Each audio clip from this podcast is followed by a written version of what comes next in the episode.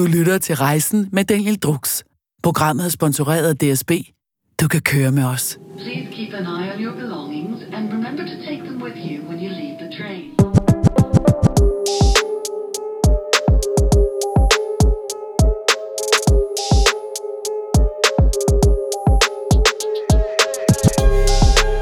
Velkommen til. Uh, I dag sidder jeg med stifter og partner af det unge og kreative produktionsselskab Blond Inc., som tidligere hed Blond Media. Uh, uh, det er Adam Holm. Goddag, min ven. Goddag.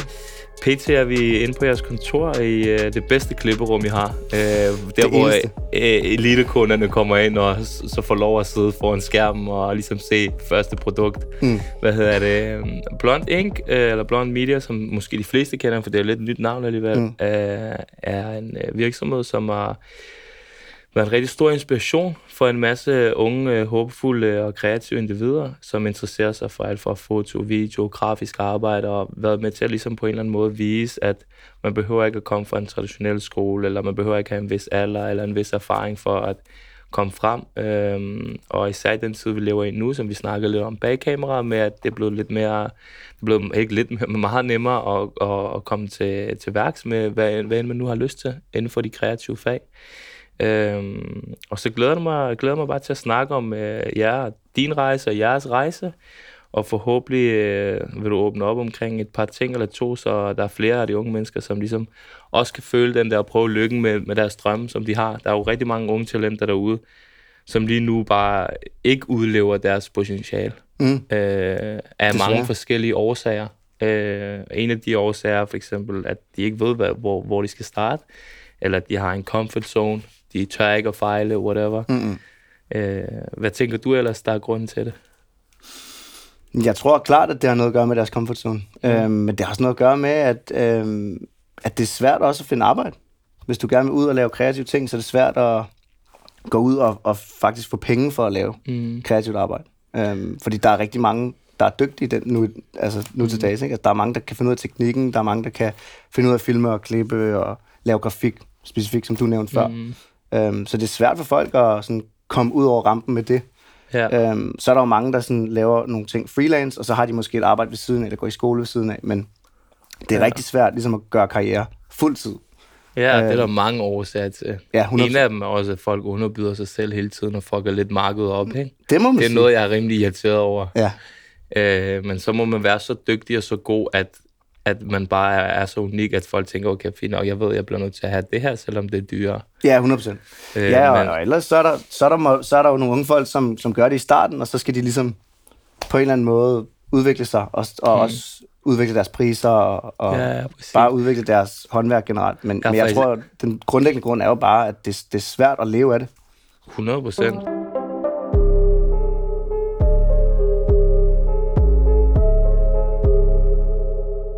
Men, øh, men lad os snakke stille og roligt øh, om øh, første gang, jeg tror, jeg ligesom sådan så dig, og, og, og, og, og ja, det var i byen. Mm.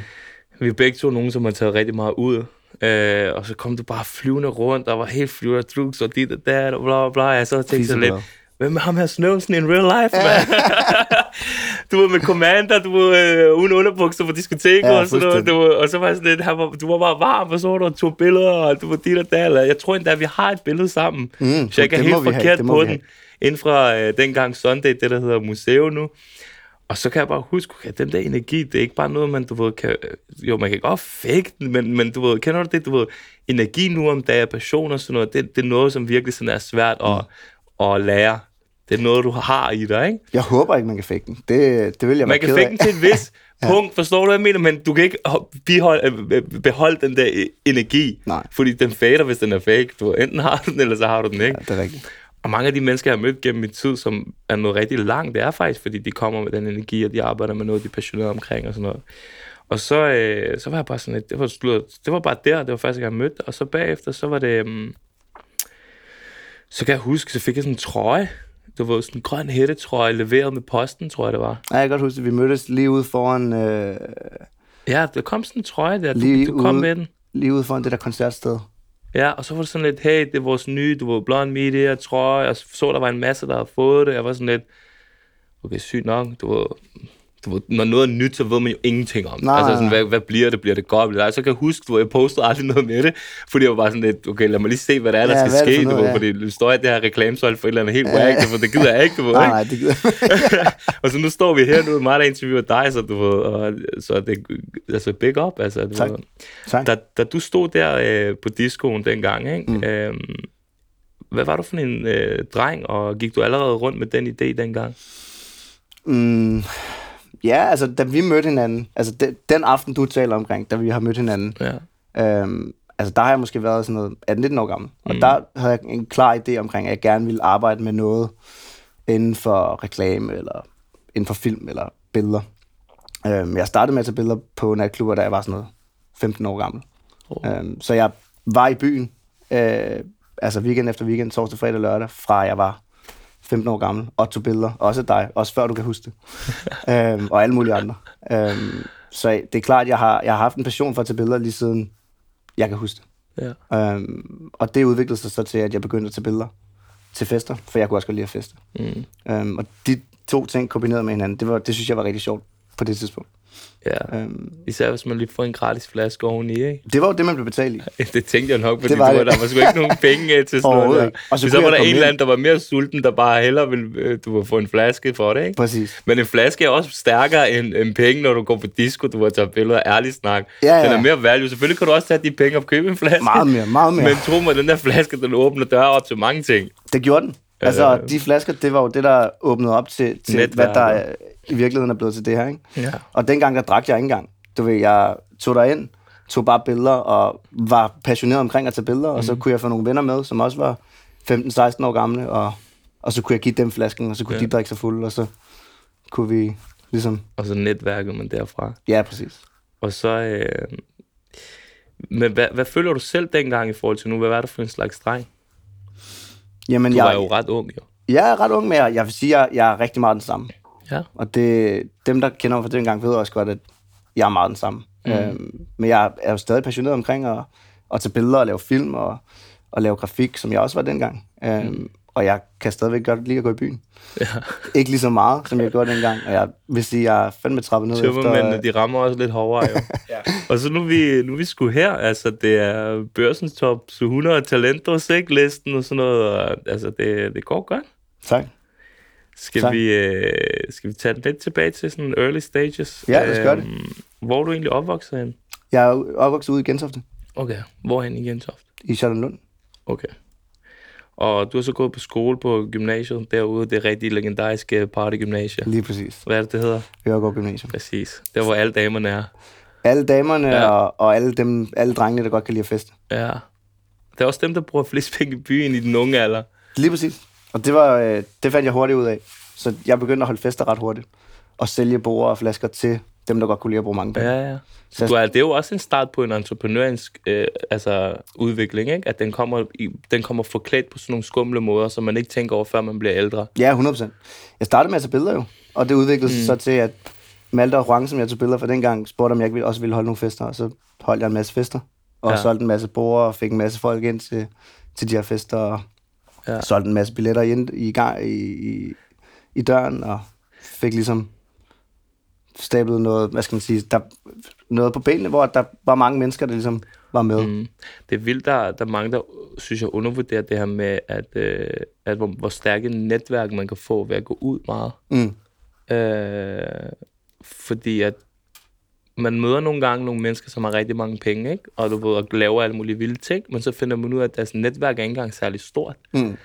Og så det sådan, du ved, så bliver man sådan lidt, okay, så de vil gerne have det, man har, fordi man har et stort netværk, men man vil gerne have det, de har, du ved, de lever det der quiet life med money og sådan noget, du ved, ingen Ja, ja. stress.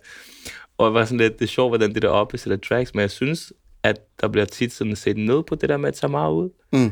Øh, men der er selvfølgelig også forskellige måder, man kan tage ud på. Ja, det kan- det er der. Det der torsdag, fredag og lørdag til klokken 5 om morgenen hver gang, den er lidt hård, men sådan lige, du ved, stille og roligt, og du ved, bare for at lige komme ud og... Du skal også tænke på, at vores arbejde generelt i starten, det er jo ikke særlig socialt. Det er med de samme mennesker, man sidder dag ind og dag ud. 100 Og hvis man ikke sidder, hvis man ikke har fodbold ved siden eller en sport eller et eller andet, så er det måske de familier, man ser, så er det bare meget de samme mennesker hele tiden. Og det eneste sådan outlet, man har for at se andre, det er mm. faktisk på diskotek. Ja, lige præcis. Sådan var det også for mig. Jeg, Eller jeg events. begyndte jo at tage billeder i byen, fordi der var ikke andre, jeg altså, kendte, eller der var ikke andre af mine venner, der interesserede Mm. sig rigtig for at, tage billeder, var det dengang, fordi Mm. der var kameraerne ikke så udviklet, sådan at man filmede ikke så meget, og man, Mm. du ved, der var ikke Premiere Pro, og du ved, man klippede heller ikke så meget på den måde. Øhm, så jeg tog rigtig meget billeder på det tidspunkt, og det var der ikke så mange andre, der sådan gik op i, eller Mm. synes var fedt. Så fandt jeg ud af, at så kunne jeg tage ud og tage billeder af folk, der godt kunne lide at have det sjovt. Og jeg kunne rigtig godt lide at tage billeder af folk, der havde det sjovt. Mm. Øhm, og, og have det sjovt med dem samtidig. Ja, all about vibes. Lige præcis. Og det er jo det samme, jeg virkelig laver nu, men, men nu tager jeg så ikke bare billeder af folk, men Nej. Jeg hygger mig stadigvæk og, og har det fedt med folk, og samtidig med, så arbejder jeg med dem og laver nogle fede projekter. Ligesom vi sidder og snakker sammen nu, så kan det være, at vi kommer til at lave et projekt senere hen sammen. Ja, ja, præcis. Det er også det, jeg lagde mærke til, når, bare, når I snakker om jeres virksomhed. Mm. Det er det, der I fokuserer rigtig meget på, at der skal være nogle gode fester i, du ved, til julefrokost, whatever, eller bare personalfester. Eller øhm, generelt, at folk skal have det sjovt på arbejde. Det skal være hyggeligt, det skal være nice. Mm. Øhm, men er det ikke også en farlig ting nogle gange, når man fokuserer så meget på det, når man også har en virksomhed, som skal tjene penge? Jo, det er det, men jeg tror, det er vigtigt. Det, altså, kulturen for os er det aller, aller vigtigste. For Okay. ellers så har du ikke noget... Øh, lad os sige, du har en masse fede kunder, og du har en masse fede projekter, men hvis du skraver det væk, hvad har du så i sidste ende? Så har du din kultur, og hvis den kulturen ikke er der, jamen, så er det jo bare en cash machine. Ja. Øhm, og det er super vigtigt, at man ligesom har sammenholdet, og man skaber den her familiære følelse. Øh, følelse. Det har det i hvert fald altid været, været vigtigt for os, og det, Mm. det, det har altid været min drøm at lave det, frem for at få øh, Adidas som kunde. Det er også ja. fedt. Mm. Øhm, og det bliver man glad for, når det sker. Men det vigtigste for mig, det jeg bliver allergladest for, og det jeg bliver allermest stolt af, det er at lave øh, det team, og lave den familie, som vi har herinde, og, og ligesom lave den der enhed. Øhm, det er helt klart det, som, som vi altid har drømt om. At lave det der sted, som jeg følte, der ikke var, da, Mm. da jeg var yngre. 100%. Øhm, sådan ren uddannelsesmæssigt, så bliver man jo sådan, du ved, okay, hvad for øh, uddannelse har du, og lidt af hver. Så læser mm. du har fuldført i gymnasium, men så har der ikke været noget efter det. Nej, jeg kan Og så bare er lige... alligevel sygt nok at tænke på, hvornår startede du som selvstændig? Jamen, da jeg var 15. Der havde altså virksomhed der, eller hvad? Ja, nej, men det var jo mest, mest, Altså, sådan det var mest papir. cash og flasker, da man var på klubben. ikke? men på papiret, på papiret. Øh, på papiret, øh, jeg mener, 16 jeg har haft... eller sådan noget? Ja, 15. Ja, Ja. Havde, der havde jeg i hvert fald et lille firma, som kunne sende en faktura en gang imellem. Og ja, sådan. ja, ja. Så skulle jeg lige have noget hjælp fra nogle ældre, hvis, hvis jeg skulle sende en faktura, ikke? Men Nogle OG's. ja, det skal jeg så stadigvæk, men det er så en snak. Men, men, øh, men jeg startede altså basically som, som selvstændig, da jeg var 15. Okay. Okay. Øh, med at tage billeder på klub, og ja. det udviklede sig hurtigt til, så tog jeg billeder til konfirmationer og bryllup og 50 års fødselsdag og 30 års fødselsdag, 40 års fødselsdag. Øhm, så jeg var rigtig meget ude til billeder hver weekend i, i hvert fald en, jeg føler, det var sådan noget to-tre år. Okay. Så har du været eventkoordinator mm. hos Frostgun. Ja, Hvad lærer man der, som du kan bruge til at med videre? Jamen, øh, jeg ved ikke, om det er specifikt hos Frostgun, at jeg lærte det, men som eventkoordinator, så lærer du at, at skabe et, et brand, og du lærer at skabe en, en buzz omkring øh, en fest eller et, et brand generelt. Altså, du lærer ligesom at få, Et produkt. ja, et produkt, men du lærer at, at skabe en hype omkring noget, som andre mennesker skal interessere sig for. Mm. Og det er jo også det, vi har gjort med Blond. Øhm, så er det bare ikke en fest hver weekend, eller en fest en gang imellem, så er det, det er mere et brand Produktioner. så er det produktioner og videoer, men du lærer at tiltrække mennesker, at tiltrække folk og, og skabe nyhedsværdi, og hele tiden være relevant. Um, og så lærer du også at socialisere. Du lærer at snakke med folk, ligesom du og jeg gør nu. Du mm. lærer at tage ud til selskaber og til middag, og Mange af de ting, man ikke lærer i skole, i fagene. det, som du aldrig lærer i skolen. det, som de, det, det, som de holder dig fra i skolen. Ja. Men vi har snakket lidt om uddannelse og sådan noget. Øhm, hvordan, hvad, hvad var det for nogle skridt? Altså, hvis vi skal tage starten af Blond Media, ikke? Ja. Du kommer der helt bare. Mm. Selvfølgelig, du har lavet de her billeder og alle de her ting. Altså, altså jeg kan huske, er det første, I laver en Morten Breum-video, ikke? Jo, det er det. Ja. Det, det er godt huske. Ja. Det er Lidt godt research, huske. ikke? Jo, men det er, det er rigtig god research. Og der, øh, hvad sker der inden det? Um, jamen altså, det der skete var, at jeg gik i gymnasiet. Mm. Og i, jeg gik faktisk med min, jeg gik i folkeskole med min partner Daniel i 10 år. Daniel, Okay. som er Som har ham, der- partner også i det som er bare, som jeg startede det med. Okay. Som, er, som foundede det sammen med mig. Mm. Og du ved, vi begyndte at lave film sammen allerede i folkeskolen. Okay. Um, og synes det var rigtig sjovt, og fandt ligesom hinanden på det. Øhm, og vi blev ligesom venner over at, at lave nogle videoer og lave, lave nogle projekter sammen, øhm, mm. som jo bare var for sjov dengang. Øhm, og så startede vi med at lave videoer i, i folkeskolen sammen med, faktisk sammen med Karl Knast, hvis du øh, kender ham nu. navn siger man noget? Er han producer? Ja, nu er han musiker. Han hedder Karl Malling. Men vi startede med at lave, lave videoer med ham Okay. okay. tilbage i folkeskolen, og synes det var sjovt. Og så startede jeg jo med at tage billeder i sådan noget. Også i folkeskolen. Mm. Og i sådan noget 9. 10. klasse, så startede jeg jo med at tage billeder på klubberne, og begyndte så at holde fester. Og da jeg så holdt de fester, der bookede jeg faktisk Daniel, både som DJ, mm. men også som videomand. Aha. Så han hjalp mig med, som med det visuelle til at promovere festerne. Um, så han hjalp mig med at tiltrække festerne. Mm. Øh, menneskerne til festerne. Um, og Philip, som er min tredje partner nu, mm. han lavede al grafikken. Mm. Og var faktisk også, jeg tror også, han var picker på et tidspunkt. Hvad var det for en klub? Uh, det var, da vi lavede, uh, vi lavede en klub ude nordpå, der hed Cubana Klub. Det kan jeg godt huske. Ja, der var Jeg Philip var der aldrig, men den var, ja, den var hype nok. Det var sjovt. Der var partybusser fra Indreby og så ud. Hvad så, Nå. når du skulle hjem?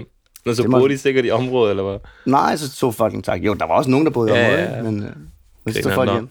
Så Men Philip ja. og Daniel hjalp mig faktisk rigtig meget med øh, Med de ting, du lavede før. at lave festerne. Og mm. da jeg så var færdig med gymnasiet, så tænkte jeg, nu skulle jeg tage et break, og så var jeg på college i et år, øh, Ja. på City College i Santa Barbara i Kalifornien, og studerede filmproduktion. Okay. Men det var bare sådan en normal City College, hvor du tog nogle klasser, og så tog jeg bare sådan et, et år øh, af en bachelor i film production. Mm. Så der tog jeg kun fag, øh, der havde med film at gøre. Okay. Og så lærte jeg jo Og ligesom... hvad lærer du der? Jamen, der lærer du det, som du lærer her også, når du Ja. er ung. Altså, du, du lærer... Er det bare basale ting? Eller? basale ting. Ja. Brug softwarene, brug kameraerne. Øhm, hvordan du laver det tekniske. Mm. Øhm, men jeg kunne godt mærke, at det ville nok ikke komme mig lige så meget til gode som så mange andre. Så selvom jeg, jeg fik rigtig mange gode venner derovre, som jeg stadig snakker med, og havde det virkelig, virkelig godt. Øhm, og så var det også bare svært at få det til at hænge sammen økonomisk, fordi du kan ikke rigtig arbejde, du kan ikke rigtig... Mm. Du ved, du skal have et green card, og du kan ikke rigtig gøre noget. Og til sidst i mit forløb derover, da jeg har været der et år, der begyndte jeg ligesom at lege med tanken omkring at, at lave nogle film med, med nogle venner, og mm. prøvede ligesom at på en eller anden måde at få etableret øh, et lille hold, hvor vi kunne komme ud og lave nogle freelance ting. Um, og så sendte jeg faktisk nogle af de ting, vi lavede, hjem til Daniel, og spurgte ham til råds omkring, om han synes, det var fedt og sådan noget. Fordi han var ligesom min guru inden for at lave mm. film, fordi han er så dygtig teknisk. Mm. Um, og da jeg så kom hjem på sommerferie, fordi jeg troede, jeg skulle tilbage, så ringede jeg til ham, og det var den dag, jeg kom hjem, der er jetlag og var bare ligesom, havde for meget energi, ligesom du også nogle gange har. Så tænkte jeg, jeg skal bare ud. Og så ringede jeg til Daniel og sagde, du kan komme med og skyde noget brev i Tivoli i aften. Okay, okay. Så det var hans ligesom opgave? og Det var hans opgave, ja. fordi han var freelancer Ja, og ja, kørte ja. rigtig godt og skød rigtig meget med breven på det tidspunkt. Okay, okay. Så han var sådan lidt i gang. Og var også sådan noget trailerklipper ude på TV2 og sådan. Altså han er rigtig dygtig. Så, så I tager ind og laver den der video, og du bliver bare bit af det, du ved, igen, sådan der, okay, det her, det kan blive større, vildere Jamen, og jeg, jeg, bedre. var, altså, jeg var bit af det, men jeg kunne mærke, okay, der er også en energi med Daniel, fordi vi kender hinanden så godt. Ja. Ja. Vi har kendt hinanden, siden vi var 5-6 år gamle.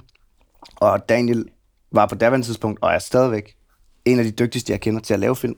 Mm. Så det var også bare en fornøjelse at kunne arbejde med en, som var så dygtig. Mm. Øhm, og så ret hurtigt, jamen, så, som man jo gør, så postede jeg på Facebook, vi har lavet den her film. Mm. Øh, du vil øh, give mig et kald, hvis du skal have lavet en film. Ja, og så ret hurtigt, så inden, efter et par uger, jamen, så begyndte vi at lave alle mulige slags film. Vi lavede film for natklubber, restauranter, barer, Ja, det er det, jeg har skrevet noget. Diskoteker, tandlæger, og så... tandlæger. Og der, hvor det blev... Hvor man virkelig sådan der lagde mærke til, det var der, hvor musikvideoerne kom. Ja, og det startede sådan der i slutningen af den sommer allerede. Mm. Så det, det tog ret Men hurtigt. hvordan tog I skridtet den helt...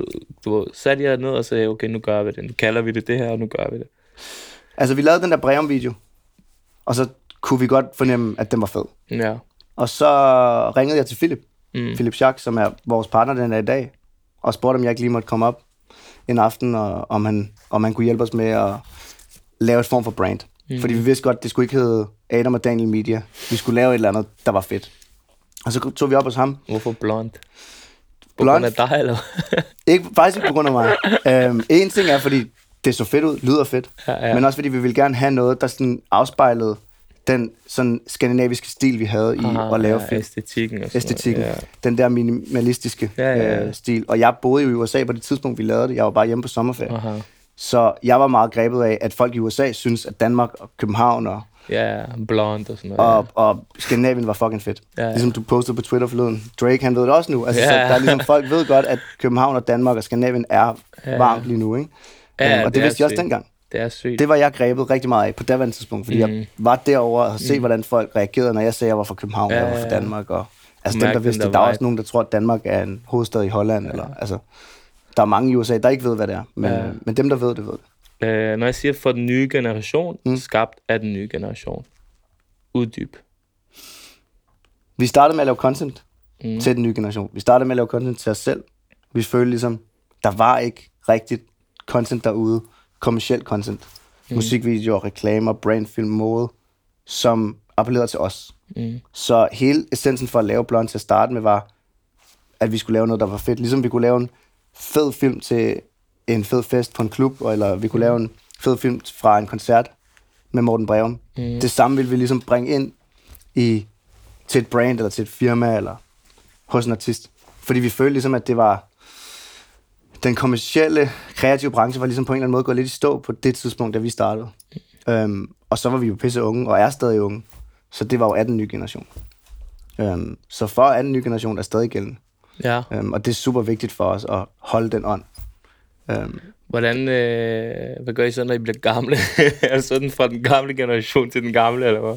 nej, så vi vil altid øh, fortsætte med at ansætte den aldersgruppe, vi ansætter nu. Ja. Så det Det er godt, er at vi bliver gamle. siger ansætter, fordi min næste spørgsmål, som står på min øh, lille paper herover, det er, at øh, jeg har læst lidt om, hvordan I lidt ansætter, ikke? I kigger ikke altid på CV og sådan noget. I kigger meget mere på energien og passionen og alle de ting, vi faktisk snakker om i starten mm. af interviewet, som du selv også var meget kendt for. 100%. Øh, det er meget bevidst. Jeg er meget bevidst. Jeg, jeg har søgt rigtig mange jobs. Mm. Jeg har søgt jobs på alle produktionsselskaber, alle reklamebureauer. Lige inden vi startede Blond. Da Ja. jeg var hjemme på sommerferie, der tænkte jeg, okay, nu vil jeg gerne arbejde et eller andet fedt etableret sted. Og hvad skete der? De spurgte mig, om jeg ville lave kaffe gratis sammen. Ja. Og de kunne ikke sikre mig, at jeg ville få en stilling nogensinde. Mm. Og så tænkte jeg, okay, altså, jeg har jo været assistent med gratis på en masse produktioner, mm. med mange af de her fotografer og produktionsselskaber. Men jeg kunne godt fornemme, at vi kunne gøre det bedre i forhold til at appellere og ramme vores generation og ramme mm. det, vi synes var fedt. Fordi når jeg var ude og være assistent på en uh, Nick Jay musikvideo eller på en eller anden modefilm, så synes jeg ikke, det var fedt. Mm. Og det synes jeg var underligt, når budgetterne var høje, og mm. at den målgruppe, man gerne ville ramme, i virkeligheden var Generation Z eller Millennials. Så det er jo ligesom, så tænkte vi, okay, hvis, hvis der ikke er nogen, der gør det herhjemme, mm. der er masser i udlandet, der gør det, Mm. så kan vi lige så godt prøve. Så når der kommer nogen ind, så, så, så husker du tilbage på din egen tid og tænker sådan, okay, jeg bliver nødt til at have noget empati, jeg bliver nødt til at have noget hjerte her, og du vil også se anderledes på det. 100% Fordi prøv at tænke på, hvis de havde ansat dig, så har de sikkert haft en rigtig god medarbejder, for du er gået hen og har lavet dit eget shit. Måske. Jeg, jeg ved heller ikke, om jeg havde været en god medarbejder, men, men, det er også det, det er gode men nu er de i hvert fald... Øh, nu er der, bliver, der er blevet lavet en konkurrent til dem, som også tager mange af deres opgaver. Også. Ja. Øhm, og det vil jeg aldrig nogensinde glemme, at Hvad, Hvis gør jeg du, hvad siger du så, når du møder dem i byen? de unge folk, Nej, dem som sagde, du kan bare lave kaffe. ja, men de, jeg møder dem jo ikke i byen, for de er ikke derude. Det er det, der er De kan ikke problemet. komme ind her. De kan, måske, de kan måske ikke komme ind, eller så er de bare derhjemme. derhjemme. Og- de er ikke og ude der. Jamen, det er også det, der er et stort problem. Mange af de der rigtig store virksomheder, de, er sådan lidt, de er ikke out der, hvor tingene sker. Nej, Og derfor kan de ikke producere og lave ting, som folk vil have. 100%. Og det samme sagde vi jo til kunderne i starten. Ja, men det forstår de ikke jo. Nej, men med Før fysik- at du begynder at bevise over for dem, at det er rigtigt, Præcis. hvad du siger. Og Lige selv præcis. der faktisk, ikke, så er de stadig sådan, uh, ah, i, ah, fordi du vi er konservative i Danmark, ikke? Jo, ja, og specielt dengang, altså for, bare for fem år siden, føler jeg, at folk var mere konservative, og Ja. folk respekterede slet ikke, at man godt kunne være ung, men stadig levere et godt produkt. Og at, Ja, ja, som vi præcis. snakkede om før, også at det kostede penge. Mm, ja, ja, er du syg, du. Altså, vi arbejdede jo rigtig meget gratis i starten, fordi der ikke var nogen, der ville booke os. Man skulle være derude hele tiden, og det vigtigste nu til dags er jo også, at så kan det godt være, at jeg ikke kan være derude hele tiden, men så kan Sløve være derude hele tiden. Ja, så kan ja, ja. Alfred være derude hele tiden. Præcis, Hvis præcis. jeg ikke er derude, så er Philip Men Eldaner når I derude. så ansætter os, og hvad er det så, I kigger efter? Passion. Ja. Ild Du kan godt være passioneret og være topsløj også. Nej, Føler du ikke det? det tror jeg ikke. Det tror jeg ikke, du kan. seriøst Det ikke? tror jeg ikke, du kan. Så er du, så er du ikke rigtig passioneret. Hvis du er rigtig passioneret, og hvis Du du... kan jo godt være passioneret og være sløj til det arbejde, du skal ind i. Jamen, du må godt være sløj. Eller det tager lang tid for dig at lære, fordi du bare ikke er lærernem. Det er fint. Jeg har stadigvæk ikke den dag, da jeg lært at klippe film ordentligt. Ja, Jeg kan ikke bruge Premiere Pro. nej. Og det siger jo også noget om, selvom at vi har etableret det og skabt det her, så handler det meget omkring også at finde de ting, du er god til. Mm. Og det vi kigger på, det er, er der nogle nicher, som du er rigtig god til? Mm. Og hvordan er du som person? Mm. Altså, jeg skal kunne lide at hænge ud med dig også. Mm. Og du skal være rar som person. Du, mm. kan ikke, du kan ikke bare starte herinde, hvis du er dygtig til at klippe film. Mm. For det er der så mange, der er nu til dags. Altså, der er sindssygt stor konkurrence, og der er bare mange om budet. Ja. Så det vigtigste er, at du har ild i øjnene, og du er passioneret. Så du vil ikke bare have ham der maskine, der bare leverer fuld hammer og altid giver liv, altid er der til klokken lort, der ikke er sådan en social type, men bare maskine. Mm, jo, hvis ham eller, eller hun er passioneret, og som og er, er øh, nogle gode personer, altså yeah. rare personer. Du behøver ikke, altså, vi har jo masser, som ikke er sociale, Nej, nej. og som ikke er ude med riven og er Ja. hele tiden er derude, men, men som er ordentlige, anstændige mennesker. Mm. Det handler også omkring, at ligesom du er, at man, at man er ordentlig og, og har en god intention over Ja. for sine medmennesker. Hvor jeg tror, der hvor I ligesom tog den, det var sådan lidt, I var rigtig gode til at samle folk, I var mm. rigtig gode til at have tålmodighed, og det var på en eller anden måde sådan løfte, og jeg vil rigtig gerne snakke om nogle af de der ting faktisk lidt længere hen, mm. fordi at, øh, det jeg gerne vil snakke med dig om nu, og som jeg synes faktisk er noget af det, det er faktisk for mig det fedeste, I har lavet, Mm. det var også det, jeg tror, jeg kommenterede på det, og skrev et eller andet og sådan noget, jeg ved ikke, om det var på LinkedIn, det var da jeg så, I lavede jeres eget forløb, jeres egen uddannelse, Ja, inden for kreativ, øh, efter hvad det, hvor mange uger? seks måneder. Nå ja, okay. Det er mange, mange uger så. Ja, ja, det er et par uger. Ja, men det er fordi, jeg kunne huske, der var i hvert fald sådan et ret langt forløb. Ja, det er et jeg langt forløb. synes, de skrev uger, men folk, det er også lige meget. Det er det sejeste, jeg lavet. 24 uger. Ja, det er det sejeste, jeg lavet, og det er det Tak. fedeste, jeg lavet, fordi det er sådan noget der, jeg har selv har siddet og tænkt, okay, hvis jeg havde det dengang, Præcis. du ved, så vil man bare hurtigere tage steps op. Præcis. Så blev du lidt nødt til at forklare lidt om, for det er klart det sygeste, jeg har lavet. Sådan der. Og det synes jeg også, og jeg er glad for, at du også synes det. Ja, Øhm, og specielt du synes det. ja, Øhm, og pointere det, fordi det er også klart det, jeg er mest stolt af. ja. Øhm, men ideen var jo bare at lave det, som der ikke var, da jeg var 15. Og det eneste, jeg gerne ville, var at tage billeder. Men Adam, det skal man altså have meget overskud til. Ja, Fordi det var ikke, fordi I tjener på det jo. Altså, Nej, det er det, jeg mener. Altså, det er alligevel køligt nok at lave et forløb på 6 måneder. Det er jo fucking en uddannelse til folk med alternativ. Mm. Og, og når man i forvejen har pisse travlt, har et rimelig relativt lille team og budget i forhold til alle de andre store mm. mastodonter, der er ude. Det er sjovt, de har faktisk kontor herude. Mm. TV3 ligger lige her, og Metronom lå lige herover. ja, men der er også øh, tanke bag at, at ligge herude. Ja, ja. Okay. Men snakker vi om det. Lad os høre om det der forløb, og hvad, I, Der er hvad, ikke noget, der er det, tilfældigt. hvad, det, hvad det hedder selvfølgelig. Man skal også have law of attraction, jo. Ja, præcis. Hvad hedder det? Fortæl lidt om forløbet, og hvad det hedder, og hvordan det, I kom på det, fordi det synes jeg er rigtig interessant. Det hedder Blond Program. Det er et akademi. Ja. Øhm, og det, det onboarder folk øhm, og øh, kreative unge mennesker til at arbejde her fuldtid på sigt. Så når du attender vores program på 6 måneder, mm. vi PC har vi tre øh, forskellige kurser. Øhm, når du bliver valgt til det program, så er du sikret en fuldtidskontrakt, når forløbet er slut, efter 6 måneder. Øhm, hvis du klarer den. Hvis du kommer igennem forløbet. Hvor mange timer skal man bruge om ugen? Det er svært at sige, men øh, jeg vil skyde på, at i gennemsnitligt vil man nok bruge imellem 60 og 80 timer om ugen. Men de får ikke løn for det. Lige nu har vi faktisk indført, at man får øh, øh, det samme som SU. Okay. Vi har bare lige sat den 100 kroner over SU. Ja, ja, bare, bare for at lave spille det sjovt. Og så får du en fuldtidskontrakt, når du er færdig. Øhm, så det er jo klart, det er, det er lavet til meget unge mennesker. Det er lavet til den 15-årige dreng, jeg var, Ja, ja. da jeg boede hjemme hos mine forældre, og jeg tog toget ind til klubben og tog billeder. Mm. Det er det, det er lavet til. Det er lavet til folk, som måske bor hjemme stadigvæk, øhm, eller i hvert fald ikke... Men også bare den måde, du ved, hvad er det så, I lærer dem, som man ikke lærer på de der uddannelser? agere med kunder. Vi, de er jo med ud, de er learning by doing fra dag et. De er jo med ud på produktioner fra start. Okay. Feven, øh, som startede i program, øh, producer forløbet i sidste uge, mm. som faktisk er lidt ældre end dem, vi normalt har, som er flyttet fra, fra Stockholm, Mm. øh, og har søgt programmet, startet i sidste uge og flyttet til Danmark i sidste uge. Øh, og hun var med ude på en soundbox-produktion fra første dag, hun startede. Sejt. Og så har hun været på tre produktioner i den her uge, og skal være på fire produktioner i næste uge. Så I kaster dem bare for løverne. Jo, men de er jo med ude, uden at have for meget ansvar i starten. Mm, men de er med ud at mærke det.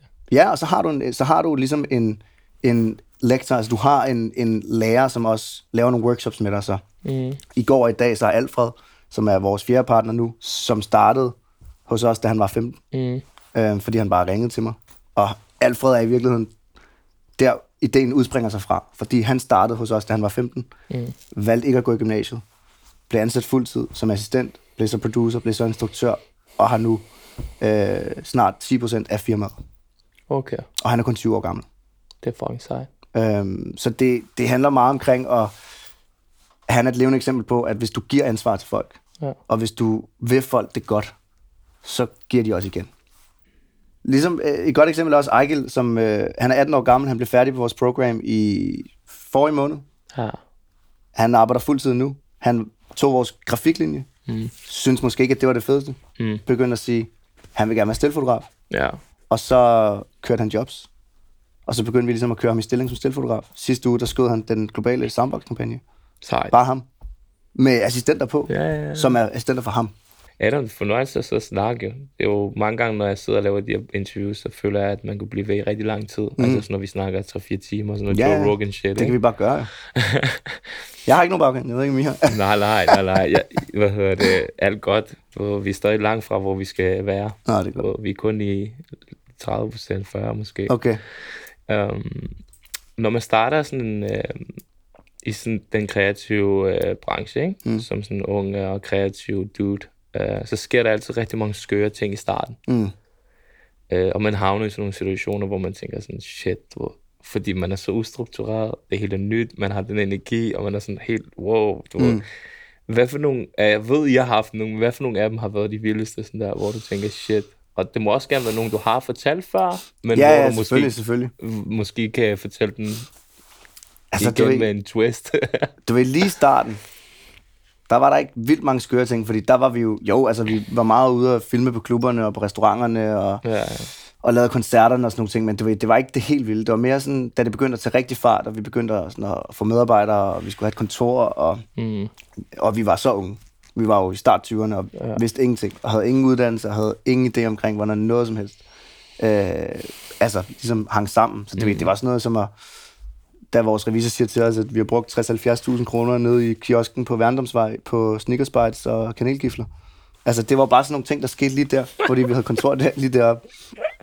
Og samme sommer, der tog vi til Las Vegas i 10 dage og skød Han København Puma okay.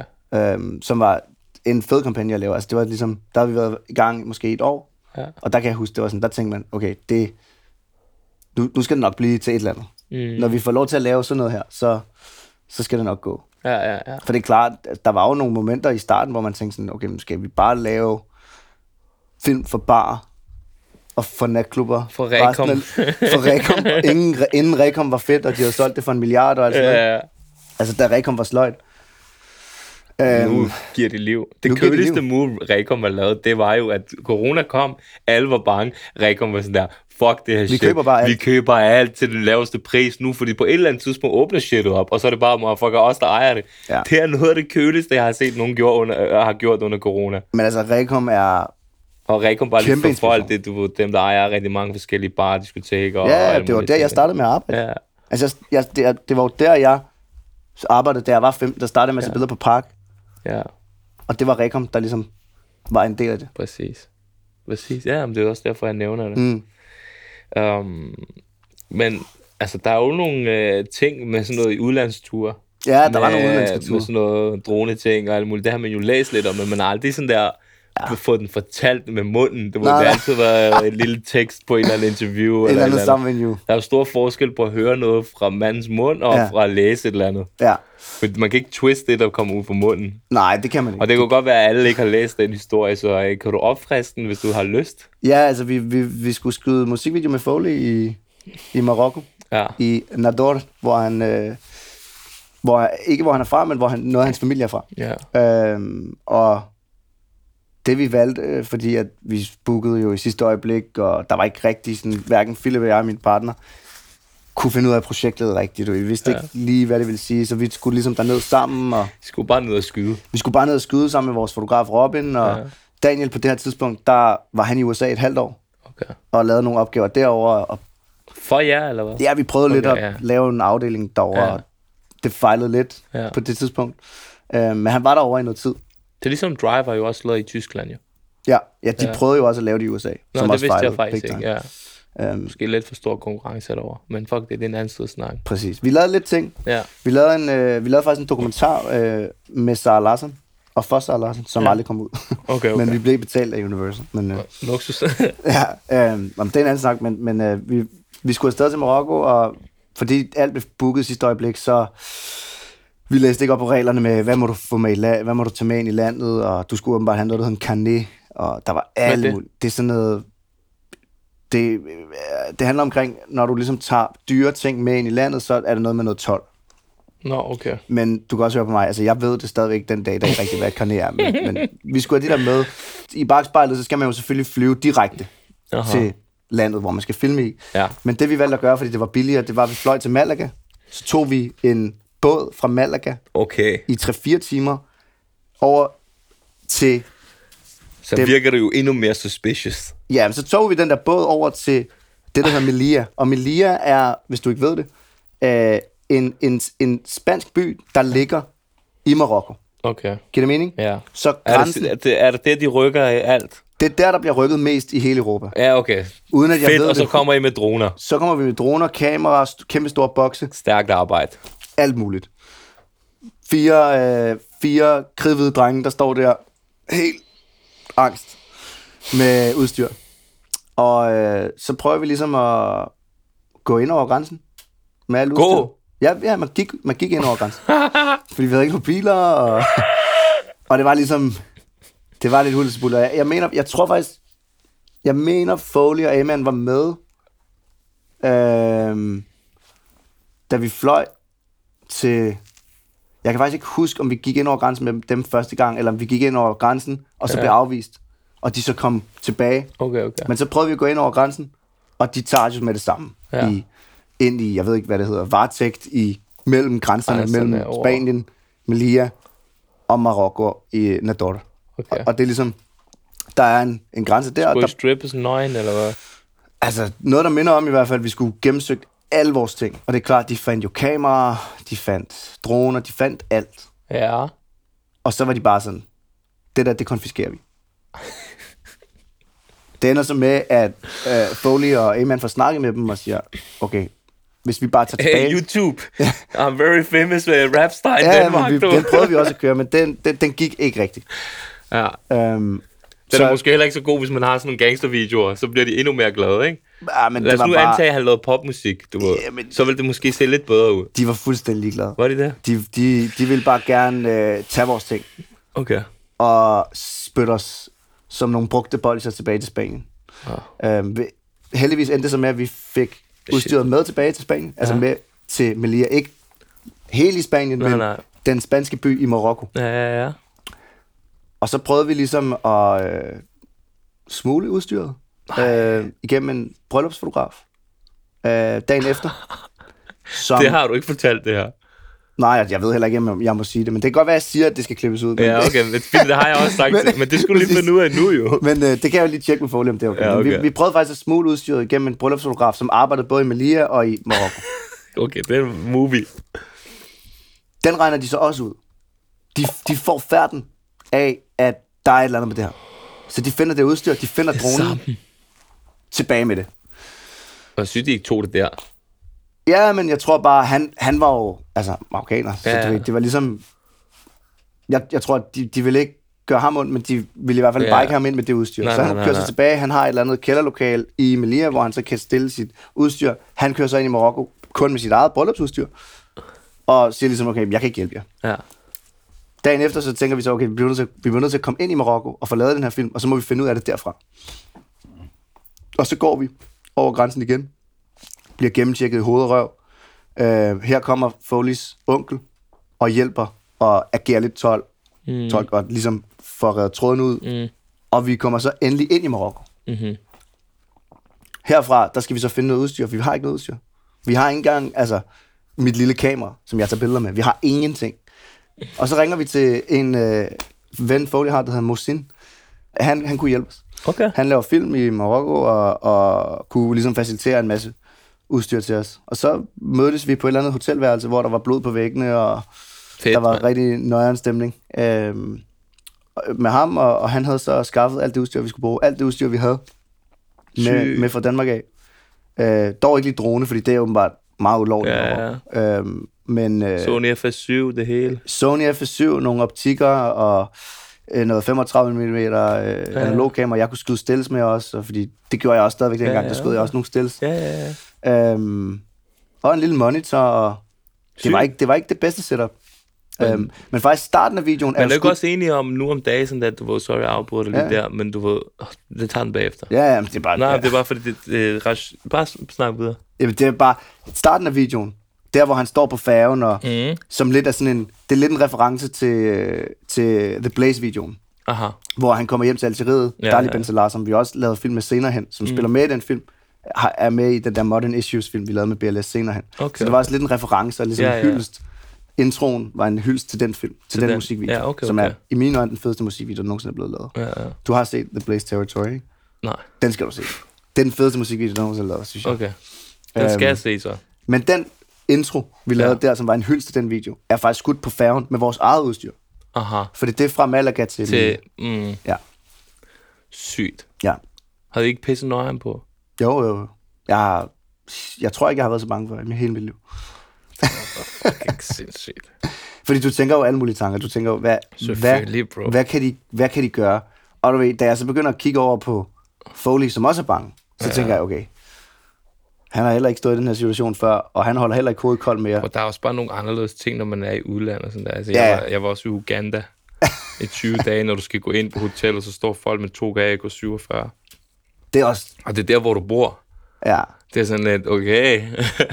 Hvorfor gør de ved, og hver gang du sætter dig op på sådan en, øh, de kaldes boda boda, det er sådan nogle, Ja. øhm, du ved, ligesom knaller der, hvor ja. der kan sidde tre på motorcykelagtigt, så ved du ikke, om det er din sidste tur. Nej. Men den koster 5 kroner. Ja. Du ved, så er det sådan lidt, hvad gør jeg? Du ved ikke, tager jeg turen, eller, eller du ved. Så øh, jeg ved godt, hvad du mener med, at nogle gange får man bare en syg nøje på, når man er sådan nogle steder. Jeg fik virkelig, virkelig... Øh, Ja. og vi var alle sammen sindssygt bange. Men det var også en forløsning, da vi så kom ind i landet, og vi Men lærte I så noget af det, Adam, for helvede? Ja, vi lærte jo, at vi skulle have en kanal, og vi skulle have en producer, og vi skulle have Daniel hjem lige med det samme, så han kunne begynde at være producer og projektleder. Okay, og okay. Vi skulle fandme også ansætte nogle folk, og ja. vi skulle bare styre på det.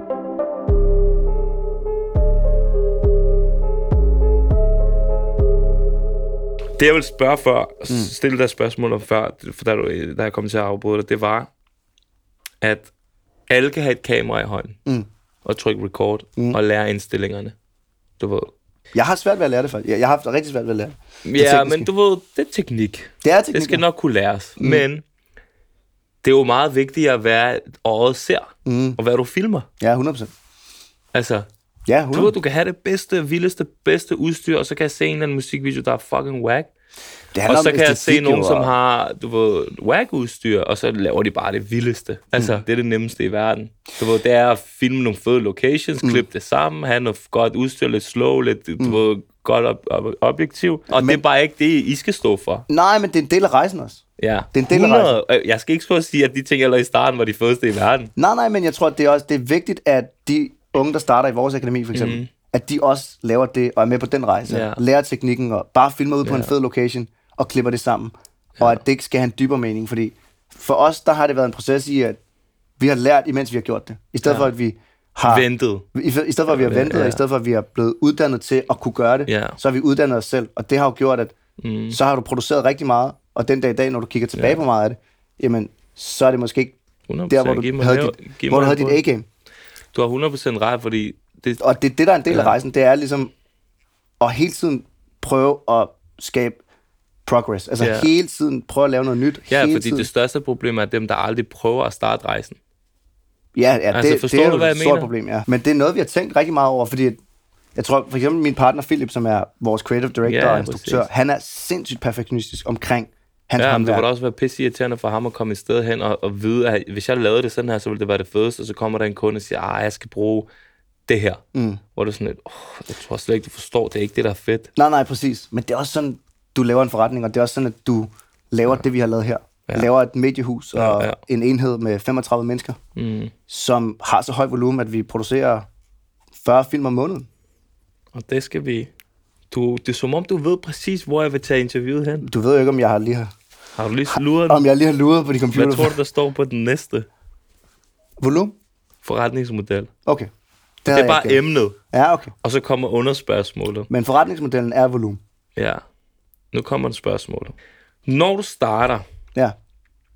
en virksomhed, som du har gjort, Ja. så laver du i starten rigtig meget gratis arbejde for at komme ud der, og du laver for et budget, og så bruger du hele budgettet på videoen. Og ja. plus måske også noget minus nogle gange. For at gå ud og ligesom at vise, her, det er det, vi kan. Så laver du det nogle par gange, og så til sidst får du lidt stress over sådan, hey, jeg har bevist, hvad jeg kan, hvorfor bliver jeg ved med at komme med de samme budgetter igen, mm. og igen, og Mm. igen. Du hæver din pris, de snakker ikke til dig. Mm. Okay? Mm. Øhm, og så lige pludselig, så har I lavet rigtig mange gode ting. Og de der, som ikke gad at være med på regn, fordi det var for nær eller whatever, de, ikke, de troede, de kunne finde noget andet bedre, og så lavede de noget lort med nogle andre, så står du og griner og tænker, ha, ha, ha, mm. vi kunne bare have givet den 20 lav mere, eller et eller andet, så ja. har vi lavet det. Så kommer der så på et tidspunkt, hvor man bliver rigtig nice, og folk vil have det, og der kommer også nogle andre, som er ikke er lige så nære, som bare gerne vil fyre den af. Mm. Der har I jo stadig et lille team. Mm. Ikke også? I Jo. får opgaver ind, Ja. og de her personer, I har på teamet og freelance, whatever, de kan jo ikke lave flere opgaver på én gang. Nej. I den tid i hvert fald. Så mit Nej. spørgsmål går på, Mm. når man starter der, hvor I er, hvordan kan man så følge med i at vækste, og stadig opretholde den samme kvalitet? Fordi når du går ud og booker ham her freelancer, så er det ikke din A-game freelancer. Forstår Nej, du, hvor jeg ikke, vil hen? ikke, ikke hvis A-Game Freelanceren er på et andet projekt. Præcis. Ja. Og, og han kan ikke have måske den fulde fokus på dit og dat. Mm. Så spørgsmålet er, hvis, hvordan I gjorde det, hvordan I havde et produktionsselskab, som var småt og ungt, og I har ikke lavet det før, I har I følger ikke reglerne, og har ikke gået til alle mulige lederkurser, og gået, at din far har ikke øh, haft en metronom, som kunne have lært dig alt og sådan noget. Nej, mand. Nej, forstår du, jeg Nej, men han er ingeniør. Hvordan gør man, hvordan gør man så, tager, tager det derfra, hvordan har I gjort det, og tager det ligesom til, til at expand, altså til, til at vækste og ekspandere. Mm, Samtidig med, at man faktisk får mere og mere travlt for flere og flere opgaver ind. Mm. Øhm, jeg ved godt, det er sådan lidt langt. Nej, men jeg tænker, altså, det er i hvert fald tre ting. Et er netværk. Et er, og når, når man kender så mange mennesker, som du og jeg gør ja. I København, Ja, så kender du lige pludselig også rigtig mange dygtige mennesker. Så du kan rigtigt. tage fat i rigtig mange dygtige mennesker. Så kan du tage fat i øh, Jesper, der skyder meget med ja. Jonas Risvier. Du kan tage fat i øh, Sabro. Du kan tage fat i rigtig mange dygtige fotografer og klipper. mm. Når du ligesom har et stort netværk af folk, du kender. Og som folk, og folk, du godt kan lide og har en relation til. Fordi Ja. det, i- virkeligheden er det jo også det, det handler om i sidste ende. Det er jo ikke om, synes de, er, synes de at du er dygtig, eller synes mm. jeg, at de er dygtige. Det handler også omkring, at kan vi sammen. kan vi sammen? Mm. Mm. Så det er Når den du- første ting. Det er den første ting, og det havde vi jo grundlæggende fra start, fordi at jeg har gået meget i byen, Ja, ja. og fordi Philip og Daniel har gået meget i byen. Mm. Så vi kender mange mennesker til at starte med. Mm. Den anden ting er vores akademi, vores program. Det har vi jo kørt i lang tid, før at vi offentliggjorde det. Vi okay. har altid taget unge mennesker ind. Ja. Dengang, at det kun var Daniel og jeg, der sad på Værndomsvej. Men det kræver jo super meget tålmodighed. Og for nogen ind, der er grønne og skulle bruge den tid, du faktisk kunne have brugt på at lave alle mulige projekter og opgaver, den har I brugt så på at lære folk op. Ja, men til Det er alligevel ret sådan Ja, men vi- langsigtet tankegang. Jo, men til, til at starte med, der, der, der, smed vi dem for løverne. Fra start. Ja. Altså, Alfred startede den første dag, og så var han med på optagelsen første dag. Mm. Så, så det handler også omkring, at... Så har, Akademiet 2, hvad siger du? Akademiet 2 Akademiet 2, programmet, og hvad var det, de spørgsmål var? med infrastrukturen og væksten og sådan noget. Og den tredje ting er jo, altså naturligvis at, at kunne sælge produktet, altså kunne sælge projekterne, sådan at du får projekter ind, mm. så du også kan lave en forecast af, okay, hvor meget har vi, at der skal laves. De laver jo også sponsoreret, øh, det ser jeg meget, øh, den der video der, hvor den kører, hvor I siger, skal I have en brief, eller en... Creative session. Ja, session og sådan noget. Som det er der er rigtig mange produktionsselskaber, der hedder Media nu, der har efterlignet Ja. fuldstændig. Præcis. Øhm, Det sker jo, når man laver noget godt. ja, ja, og det er jo, Men og det, er det imitation er en is the highest form of flattery, er det ikke det, man siger? Præcis. Det er derfor, man ikke, du man skal bare tage det og så sige, man må gerne nævne det i en podcast, det har jeg nok også selv gjort, men man skal bare have sådan lidt, jo, det, så ved du, mm. at du har gjort noget godt. Men så ved jeg, det virker. Ja, ja, præcis. Og hvis det virker for dem, ja. så Og vil folk det, ved så godt, det hvor ligesom, det, og folk ved godt, hvor det markedet. kommer fra. Si- Sikkert, men, men jeg Ja. tror, det handler også omkring, der er, der er så mange film, der skal laves nu, Mm, i den verden, vi lever i, ja. at der er nok film til os Ja, alle sammen. ja, ja, det er det, folk ikke forstår også i musikbranchen. Jo, bro, bare fordi du har fået en god kontrakt, betyder det ikke, at jeg får en dårlig. Nej, præcis. Kagen, den er uendelig. Ja. Altså sådan, at det er ikke fordi, at du vi spiser af hinandens kage og sådan noget. Det kan jeg godt lide, du siger, for Der, der, er, er, så rigtig mange, mange, penge derude nu. Bro, det er, der er rigtig mange mennesker, der tror sådan der, at hvis man laver noget i det samme bracket mm. og sådan noget, mm. så er det sådan lidt, okay, hvis du er varm, så er jeg ikke varm. Nej. Bro, vi kan alle sammen være varme. Vi kan alle sammen også lære hinandens fejl, og jeg kan mm. lære den nye generation og fortælle dem, hvad de ikke skal gøre, som jeg gjorde forkert, mm. og whatever. Bare sådan lidt. Fordi hvis folk gør det godt, gør deres ting, jeg er glad, forstår du? Fordi Præcis. vi kommer alle sammen på alle mulige forskellige steder, og du ved, at hvis folk kan vinde, det gode ved, at hvis folk vinder og gør deres ting, så får vi bedre mennesker, bro. Det er det. For det meste. Fordi Ja, hvis de, man vil de værste, det godt. det er dem, der du ved, sidder indebrændte og bare hater på hele verden og sure og går ud og laver rav i den og sådan noget. Fordi når folk smager lidt succes, hvis de arbejder på deres selvværd, arbejder på selvtillid, gør alle de her forskellige ting, så får vi bare nogle mennesker, der opfører sig lidt bedre ude i, i verden. Mm. Og det kan godt være, at det her det er lidt sygt at sige, du ved, lidt Men det er rigtigt. narcissistisk Det og sådan noget. men det er rigtigt. Men, men real talk, det er det, og man tænker bare ikke den vej. Slet ikke. Øhm, så det er sindssygt. Så det er sindssygt vigtigt. Så det, det handler om et Ja. netværk, som jo også er salg i sidste ende. ja, ja, det er det jo. Og to, jamen det akademi, det med at tage unge folk ind fra en alder af 15 Ja, år. men der hører jeg dig sige noget andet faktisk, i min verden. Der hører jeg dig sige tålmodighed. Ja, men jeg tror... Det er bare i min verden. Ja, men det handler mere om at, at tro på den unge generation. Tro Ja. på folk. Tro på, at folk kan. Ikke så meget tålmodighed, for jeg tænker ikke, når jeg tager Alfred ind, når jeg tager mm. Ejkel ind, når jeg tager Sløv ind, når, øh, når, når jeg tager Feven ind, det, jeg tænker ikke, jeg skal være tålmodig. Jeg tænker, mm. Altså, du tror bare på dem. jeg tror bare på dem. Infrastrukturen i jeres virksomhed. Mm. Hvis du skulle lave sådan en virksomhedsdiagram, ikke? Mm. Som ikke er mig, der laver det. Nej, men hvordan, Fordi- ser, hvordan ser den ud? Jeg ved, I har i hvert fald har et øh, Adam Holm, som Ja. sidder ved siden af mig. Øh, Philip, Ja. ja. øh, som er med den kreative del, og Daniel, som er... Produktion. Og hvad du så? Jeg sidder... Alle mulige manden. Ja, men jeg Er sidder du ham, med der bare vores... fester, eller hvad? Nej, nej, tag, det, det var jeg. tag fest på dig. Jeg sidder med vores brand udad til. Okay. Og jeg hiver, hiver opgaver hjem. Ja. Og så har jeg siddet en del, øh, også som kreativ, altså været Er instruktør. du også med ud af pitch og sådan noget? Ja. Eller, ja. Jeg, jeg er altid med ude første gang hos Ja, kunden. okay. Så jeg er altid den, der sparker døren ind. Ja, ja. Jeg er altid den, der møder kunden i baren på klubben, Ja, ja. og giver en drink og spørger, skal vi ikke Ja. også drikke en kaffe? Ja, ja. Øhm, Det er og så en har jeg... hæftig rolle. Det, ja, men det er jo Det er samme rolle, en som du rolle, har. du, jamen, det er sådan en rolle, man kan ikke rigtig lære den. Du kan ikke uddanne dig i den. Jeg er i gang med at ud- uddanne Sløv i den. Han gør det godt. Han hævde lige Loyal med til møde forleden. Er det efter han rigtigt? havde mødt den Han på bare lagt den Ja, hurtigt. fuldstændig, ja, ja. Okay. Er du for Loyal? Okay. Men jeg siger til dig, det er en af de svære. Meget svært. Ja. Det er meget svært, og du kan ikke lære det i en skole i hvert fald. Nej, det kan du Men jeg arbejder på på sigt, at man skal kunne lære at have min position i vores akademi, i vores program. På en måde hedder det sådan en character program. Ja. Det grund til at nævne det. fordi behøver ikke at kunne lave film. Nå, grund til at nævne det, fordi Uganda, i den der skole, jeg har været på, den der fodboldskole, der har de sådan noget, der hedder character program. Så de har fodbold, Ja. de har skole, Ja, og så har de character program. ja. Hvilket er fucking nice. Det er rigtig nice. Ja. Det er en kæmpe åbenbaring for mig at høre Mm. det i hvert fald, fordi Mm. det er vigtigt. Um, med til at skabe mennesket og karakteren, og du ved, deres måde, de agerer på, og måde, du lærer dem omkring, du ved, hey, det her, det gør det her, det, så får du det her ud af det, og sådan lidt. Det er fucking svært at lære. Mm. Det, ja, det er det.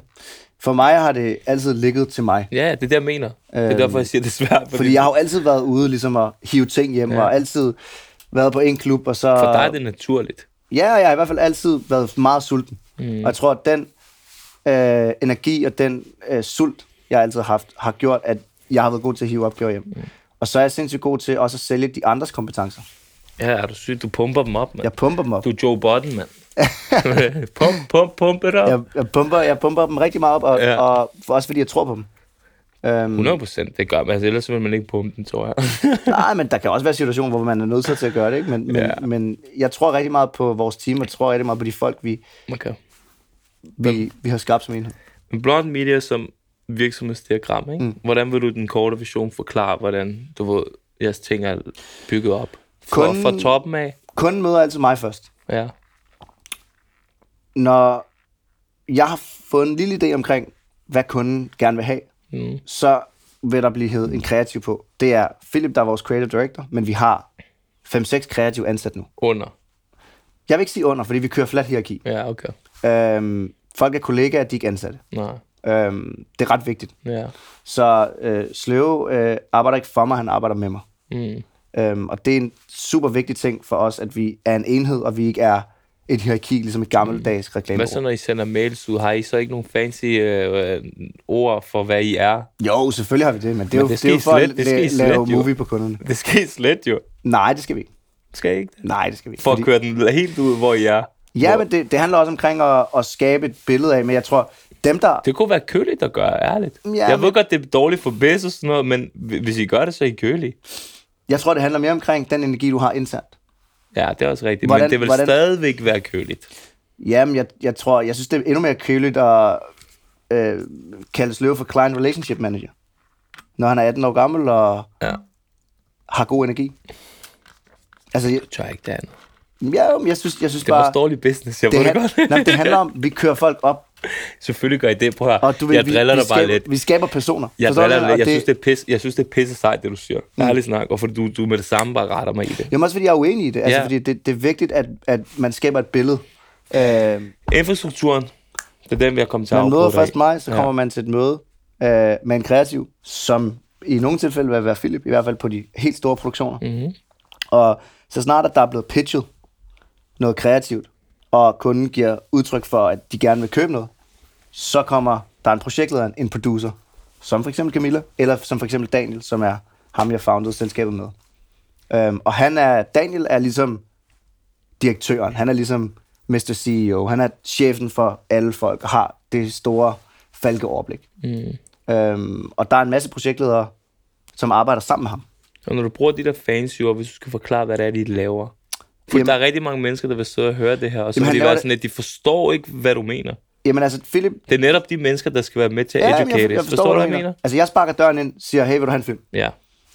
Du skal skære ud i børnesprog. Philip, han laver en pitch, han laver et treatment, han Ja. ja. laver en idé, Ja. ja. som han leverer til en kunde. Ja. Ja. Han laver det samme som øh, en hjemmeopgave i skolen. Han laver lektier til kunden, mm. viser det til kunden, spørger om kunden vil købe det sammen med mig, pitcher sammen med mig. Ja.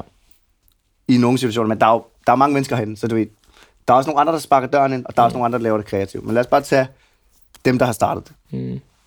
Når kunden så giver udtryk for, at vi vil gerne købe det, så kommer Daniel ind, og han står for det administrative. Han står for projektledelsen. Altså han står for at kommunikere med kunden. Han står for at lave tallene, lave budgetterne. Budgetterne, hvornår er vi færdige, hvornår første klip, hvornår... Hvad koster de- det? Hvad koster det? Så... Alle de der firkantede ting. Præcis, så Daniel laver et budget til Philips idé. Ja. Og derfra, der er det i virkeligheden dem, som er mere et tag team, som Ja. ja. går til kunden. For Ja. ja. når jeg har sparket døren ind, så er jeg med. Ja. Men hvis det ikke er mig, der laver det kreative, så er jeg måske videre til en ny kunde eller til et Ja, nyt ja, projekt. præcis.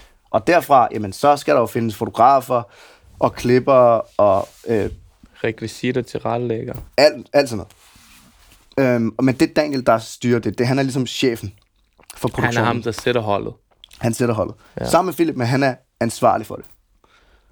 Øhm, og den position, Daniel har, der har vi måske 10 folk, Mm. som har den position. Hvordan fandt de ud af, hvem der skulle være hvad? det, det, det kom Fordi ret nogle gange naturligt. kan man jo mange forskellige ting, føler man. Vi prøvede det af. Ja. Jeg prøvede at være projektleder og producer. Ja. Det fuckede fuldstændig.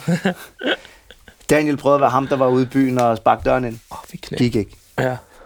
Philip prøvede at være producer. Ah, Philip kunne faktisk godt finde ud af at være Ja, producer, men han kunne bestemt ikke finde ud af at sparke døren ind til kunden. Ja.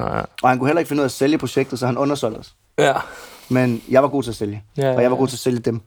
Så vi fandt ud af, at det er en meget god konstellation, at jeg sælger deres kompetencer. Ja, ja, 100. Og hvis jeg så i ny og næ selv skal instruere filmene, så skal jeg sælge mig selv. Og det kan jeg godt finde ud af, men det er meget federe, som du også selv ved, Mm. at sælge andres kompetencer, hvad andre kan. Ja, er du syg. Så vi prøvede tingene af.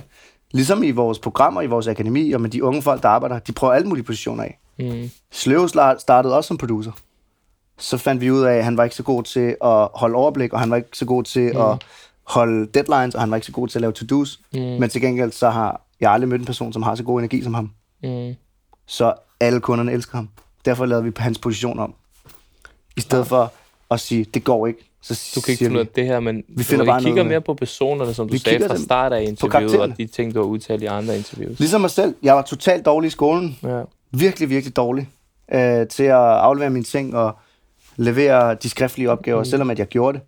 Ja. Men jeg blev ligesom sat i en bås for, okay, du kan ikke finde ud af Nej, det nej. her. Mm. Så øh, hvis du ikke kan finde ud af det, så kan du ikke, Make it. så kan du ikke komme på en uddannelse, og så kan du heller ikke lære at lave film. eller- Men så finder du ud af på sigt, jamen hvis det handler om karakteren, og hvis du er likable, Og og du er hjælpsom, ja. og, du, og du giver noget af dig selv, det tror jeg er super Ja. vigtigt. Ja, 100, 100, 100. Hvad hedder det? øhm, Noget af det, jeg kan huske, for nu snakker vi alt det her med i starten, man laver mange fejl, og man, du ved, prøver ting af og alt det her. Når man starter noget nyt, så du ved, så plejer man at sige, du ved, man har sit first shot, og du ved, det, det er ligesom folk lærer at kende og, og ser, og mm. det er rigtig svært at ændre det bagefter. Ja. Jeg kan huske noget af det første, hvor, og det skal ikke lyde forkert det her, jeg hørte om jer, det var sådan der, de afleverer ikke tingene til tiden. Mm. Og det var sådan en ting, der gik rundt sådan der, du ved, så var jeg sådan, jo, det er en fucked up ting, jo. Ja, det er ikke så godt, Fordi du ved, det er- have kunder. Og hvad fanden, altså sådan, hvordan går man fra, og det er også klart, at I måske ikke har været gode til det i starten, bro, I er fucking helt brand new. Alle laver fejl og whatever, mm. alle de her ting. Hvordan går man så fra, at der måske er det der lille snak om det, mm. til man bare siger, jo, fuck out også, nu gør vi det, nu tager vi os sammen, mm. nu gør vi sådan her, sådan her, sådan her. Det, er- det er sjovt, at du nævner det, fordi Ja. jeg har aldrig hørt det der. Men det, jeg kan sige, det er, det er ikke rigtigt. Ja, Vi har altid afleveret vores ting til tiden. Fordi ellers så vil vi ikke være altid, kommet. altid. Altid. Okay. Altid. Ja. Vi har siddet nat ud og nat ind, dag ud og dag ind. I starten, Ja. vi lavede ikke andet end at være på kontoret og aflevere ting til tiden. Men jeg tror, Okay. at det, det kommer af, Ja, det er et, vi var unge. ja, To, en af founderne, han var en, der godt kunne lide fiserbilleder. Han gik meget i byen. mm. Så det er klart, så får du et billede af, okay, måske, måske er de ikke seriøse. seriøse, ja. Måske er de ikke seriøse. ja. Ligesom, Ja, du har, du har ja, selv haft du det problem. syg? Ja, det har vi du- snakket om mange gange. Ja, Ja, det ja, der med, ja. at folk ikke tænker. Det Men ikke får du rigtigt. ikke nedtur på, når du hører det? Nej, fordi nu har vi jo vist, at det ikke var sådan. Nej, fordi de har bare brækket, sparket døren ind og sagt, okay, alt det der, whatever, det er lige meget, du. Altså, jeg, Ellers tror, jeg tror, at det der kommer af to ting. Dengang vi startede, vi var unge. ja, som du siger, det der Vi med, var, ja, Folk havde et- et andet billede af os, og specielt mig havde de et andet billede af, fordi ja. Daniel og Philip for den sags skyld har altid været professionelle. Ja. Men det er klart, når, øh, der sidder, når jeg sidder med til et møde, og Alfred er med, og han er 16 år gammel, og Ja. folk kender mig fra byen, så har de måske et andet billede af, okay, Ja. de her drenge leverer ikke til tiden, og de leverer ikke deres opgaver til tiden. ja, og måden, hvor, når man står på sættet, at man gør det lidt anderledes. Man, gør jeg har jo det, seriøst, man har det fucking sjovt. nogle af de ting, jeg har lavet, hvis kunden havde været med på sæt, Ja. så har de aldrig købt det, tror jeg. Nej, nej, men Og det, er også, men det er også det, vi altid siger til kunderne. Vi, Ja. I starten, kan jeg huske, der, der briefede vi, og ja. der, vi advarede nærmest kunderne om, omkring, at det er en del af rejsen, det er en del af ja. Processen, det her. okay. Vi har det sjovt på sættet, ja. og det er derfor, at de ting, vi laver, bliver magiske. Ja. Daniel sagde noget sygt engang. Han sagde sådan der, det her med, at du kan ikke presse en firkantet model ned under en rund virksomhed. Mm. Hvad siger du til den? Jeg siger, det er et godt deres quote. nye logo er rundt i midten, jo. Det er rigtigt, men det er Det heller er ikke også helt rundt. rundt om. Det er også, øh, det er også sådan lidt øh, det hele, ikke? Det, så den der quote, er det den quote, der har gjort sådan, at jeg lavede det nye logo, eller hvad? Jeg tror, vi... Nej, nej, For der har I faktisk proppet en firkant rundt om en rund virksomhed. Jeg tror i hvert fald, vi havde, i hvert fald, nej, vi havde lavet logoet der på det Okay. tidspunkt. Men altså, Daniel... Øh, altså, hvis du inviterede Daniel herind i podcasten, så vil der komme mange flere af de der quotes i hvert Er fald. det rigtigt? Ja, han er dyb, det, det. og han tænker sig om, før han taler. Ja, det, det kunne vi, vi det to gør måske godt der- bruge nogle gange, at vi lige tænkte os lidt mere om. Men det, er en vores, det er vores ting, bro. Ja. Forstår du, hvad jeg mener? Um, noget af det, jeg har læst nogle gange, ikke, som mm. har været interessant. Jeg ved ikke, hvor det Jeg tror, det har været på LinkedIn eller sådan noget. Der skal altid sjove ting ind på LinkedIn. Der sker gode ting på LinkedIn. Den er rigtig god, den LinkedIn. LinkedIn er perfekt. Men grund til at spørge om det, det er fordi, hvem har ligesom hjulpet jer til at blive mere professionel? Det synes jeg er ret interessant. Jeg har læst noget med sådan noget coach tilknyttet og advisory board og bestyrelser og sådan noget, ikke? Men hvornår tog I det skridt, og hvornår fandt I ud af, at det skal I tage, og whatever, du var sådan, og hvordan gjorde I det? Fordi der er sket noget jo. Der er jo det er jo ikke blot ink og du ved, nye ting, og større kunder, og større ting, og større kontor, mm. og alle de her forskellige ting, mm. flere medarbejdere. Det er alligevel nogle syge skridt at tage, når man kommer fra som en autodidakt verden. Mm, 100%. Altså, jeg tror grundlæggende handler det omkring, at, at vi også har ansat de rigtige mennesker. Vi har også ansat nogle mennesker, som Men hvem har lært jer det? Og ansætte mennesker. Ja, og være mere prøve her. Altså, er der ikke nogen mennesker, der har lært jer, eller vil du bare sige, at alt, hvad I har lært, er bare lært ved at bare fejle og prøve? Vi har fandme Fordi i min verden, der kommer det altså fra folk, du ved, som jeg kalder mine OG's, du ved, mine onkler. Ja, Det er men, dem, der ligesom har lært mig, fordi jeg har været omkring dem, eller siddet til møder med dem og spurgt dem, og sagt, jo, hvad skal jeg gøre her, hvad skal jeg gøre her, hvad gør jeg med den her kontrakt, hvad gør jeg med det her, hvad gør jeg i den her forhandling, mm. whatever. Så har de ligesom lært mig det. Du, jeg har navn på det. Ja, men har men- du nogle mennesker eller folk, hvor du tænker, okay, ham her eller hende, eller det her, whatever. altså, jeg vil sige, vi har et advisory board, og, og, og de begynder at hjælpe os nu, Ja, i år. ja, Øhm, før i tiden, der har det virkelig været at, at prøve en masse ting af. okay. Og vi har ansat tit mennesker, som er dygtigere til nogle ting, end vi selv er. Ja, Og det tror jeg, at anerkende det. Sådan noget som for eksempel også at ansætte folk, som får mere løn end dig. Og som er dygtigere end dig, som er ældre end dig. Og som... den brænder. Jo, men du, du skal i hvert fald gøre op med dit ego, at folk, der er nogen, der er bedre til de Ja. ting, du laver. 100. Og når de starter i din virksomhed, Ja. så bliver det lige pludselig jeres virksomhed. Så det er ikke bare dig. Jeg tror, det, det, det, det er det vigtigste for os, det er, at vi har været rigtig... Øh, jeg ved ikke, om vi har været dygtige, men vi har i hvert fald været nysgerrige på at få flere folk ind hurtigt. Jeg ved ikke om, Og det, men det er også Hvem fordi, der vi, har sagt det, men der er sådan to quotes, der er ret interessante. Det der med, den ene kan jeg rigtig godt lide. Mm. Det er den der med, at det fedeste er at være den dummeste i lokalet. Mm. Når du kommer ind i et lokale, og du, du har faktisk ham, der er den dummeste. Ja, det kan også være den yngste. Det kan i hvert fald være Ja. underdoggen. Ja, men du ved, komme ind, og man, man tror ikke, at man ved alt muligt. Især mig, du ved, åh, jeg har dit og der. Så kommer jeg ind, og så bare være den dummeste mm. i lokalet. Det er fucking en fed ting. Det er fedt, ja. Og det er vigtigt. Fordi så kommer du ind, så lærer du bare at slure 100%. til dig. Altså, så lukker du bare røven, du ved, selvom vi elsker at snakke meget. Der. Ja, ja, men så lytter man. Og den anden ting, det er, jeg ved ikke, om det var Steve Jobs eller en, en anden en, eller jeg kan ikke huske, hvem der er en, der sagde, I didn't go to Harvard, but all my people I employed, they do. du Ja, eller et eller andet i den stil, sådan der, ikke? Ja. Den, var, den er også hård nok, sådan der, fordi du var sådan lidt, jo, jeg skal kun ansætte folk, der er bedre end mig, Mm. og klogere end mig. Og der er, som du, som du selv siger det, der skal man altså også ind og arbejde helt inde med sig selv, og sige, ego, dit, dat, Ja. whatever, alt det der. Jeg tror, forskellen er jo bare, at vi har ikke, vi har ikke særlig mange ansat her, som har fine uddannelser. Der er nogen, mm. der har gået på DMJX. Ja.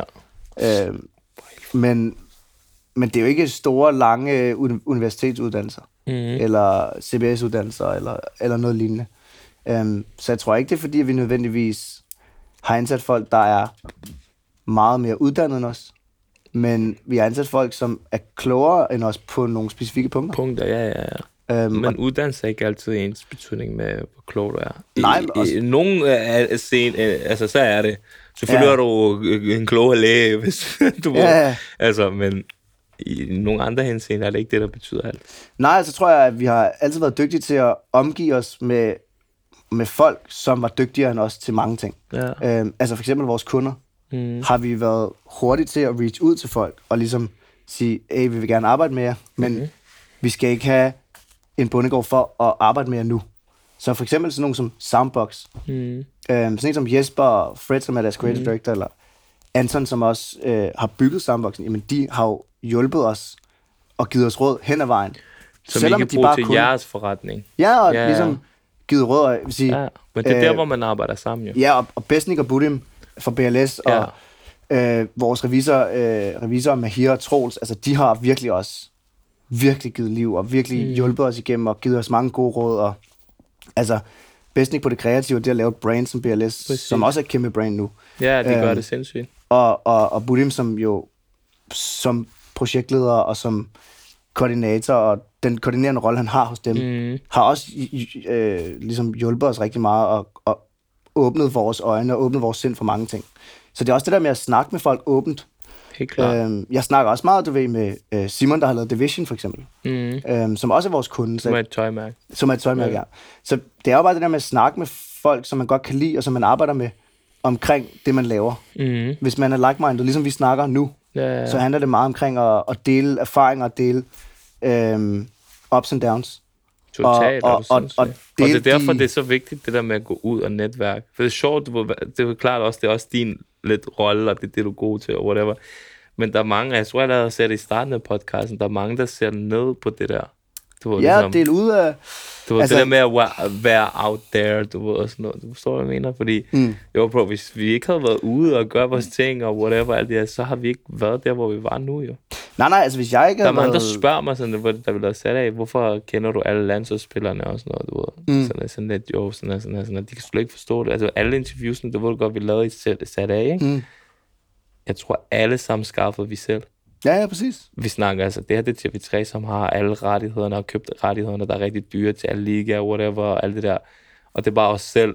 På Ja. ja. meget flam, der var sådan Ja, der men fordi I kender folk. du ved, bum, bum, bum, mm. og så, så rejser vi bare. Det er det. Altså, Og det er det, der er det vigtigste. Det er, at hvis du kan dele din bum på vejen med ja. Ja. de mennesker, du har omkring dig, som du også mm. arbejder med professionelt, mm. og ikke lægger skjul på dine svagheder. ja, præcis. Og det har vi altid været gode til, ligesom at dele ud af de 100. ting, som vi var udfordret omkring. 100 procent. Øhm, Adam, hvad vil din, din bedste råd være til de, de unge talenter derude nu, som ikke har uforløst deres øh, potentiale og talent og alt det der?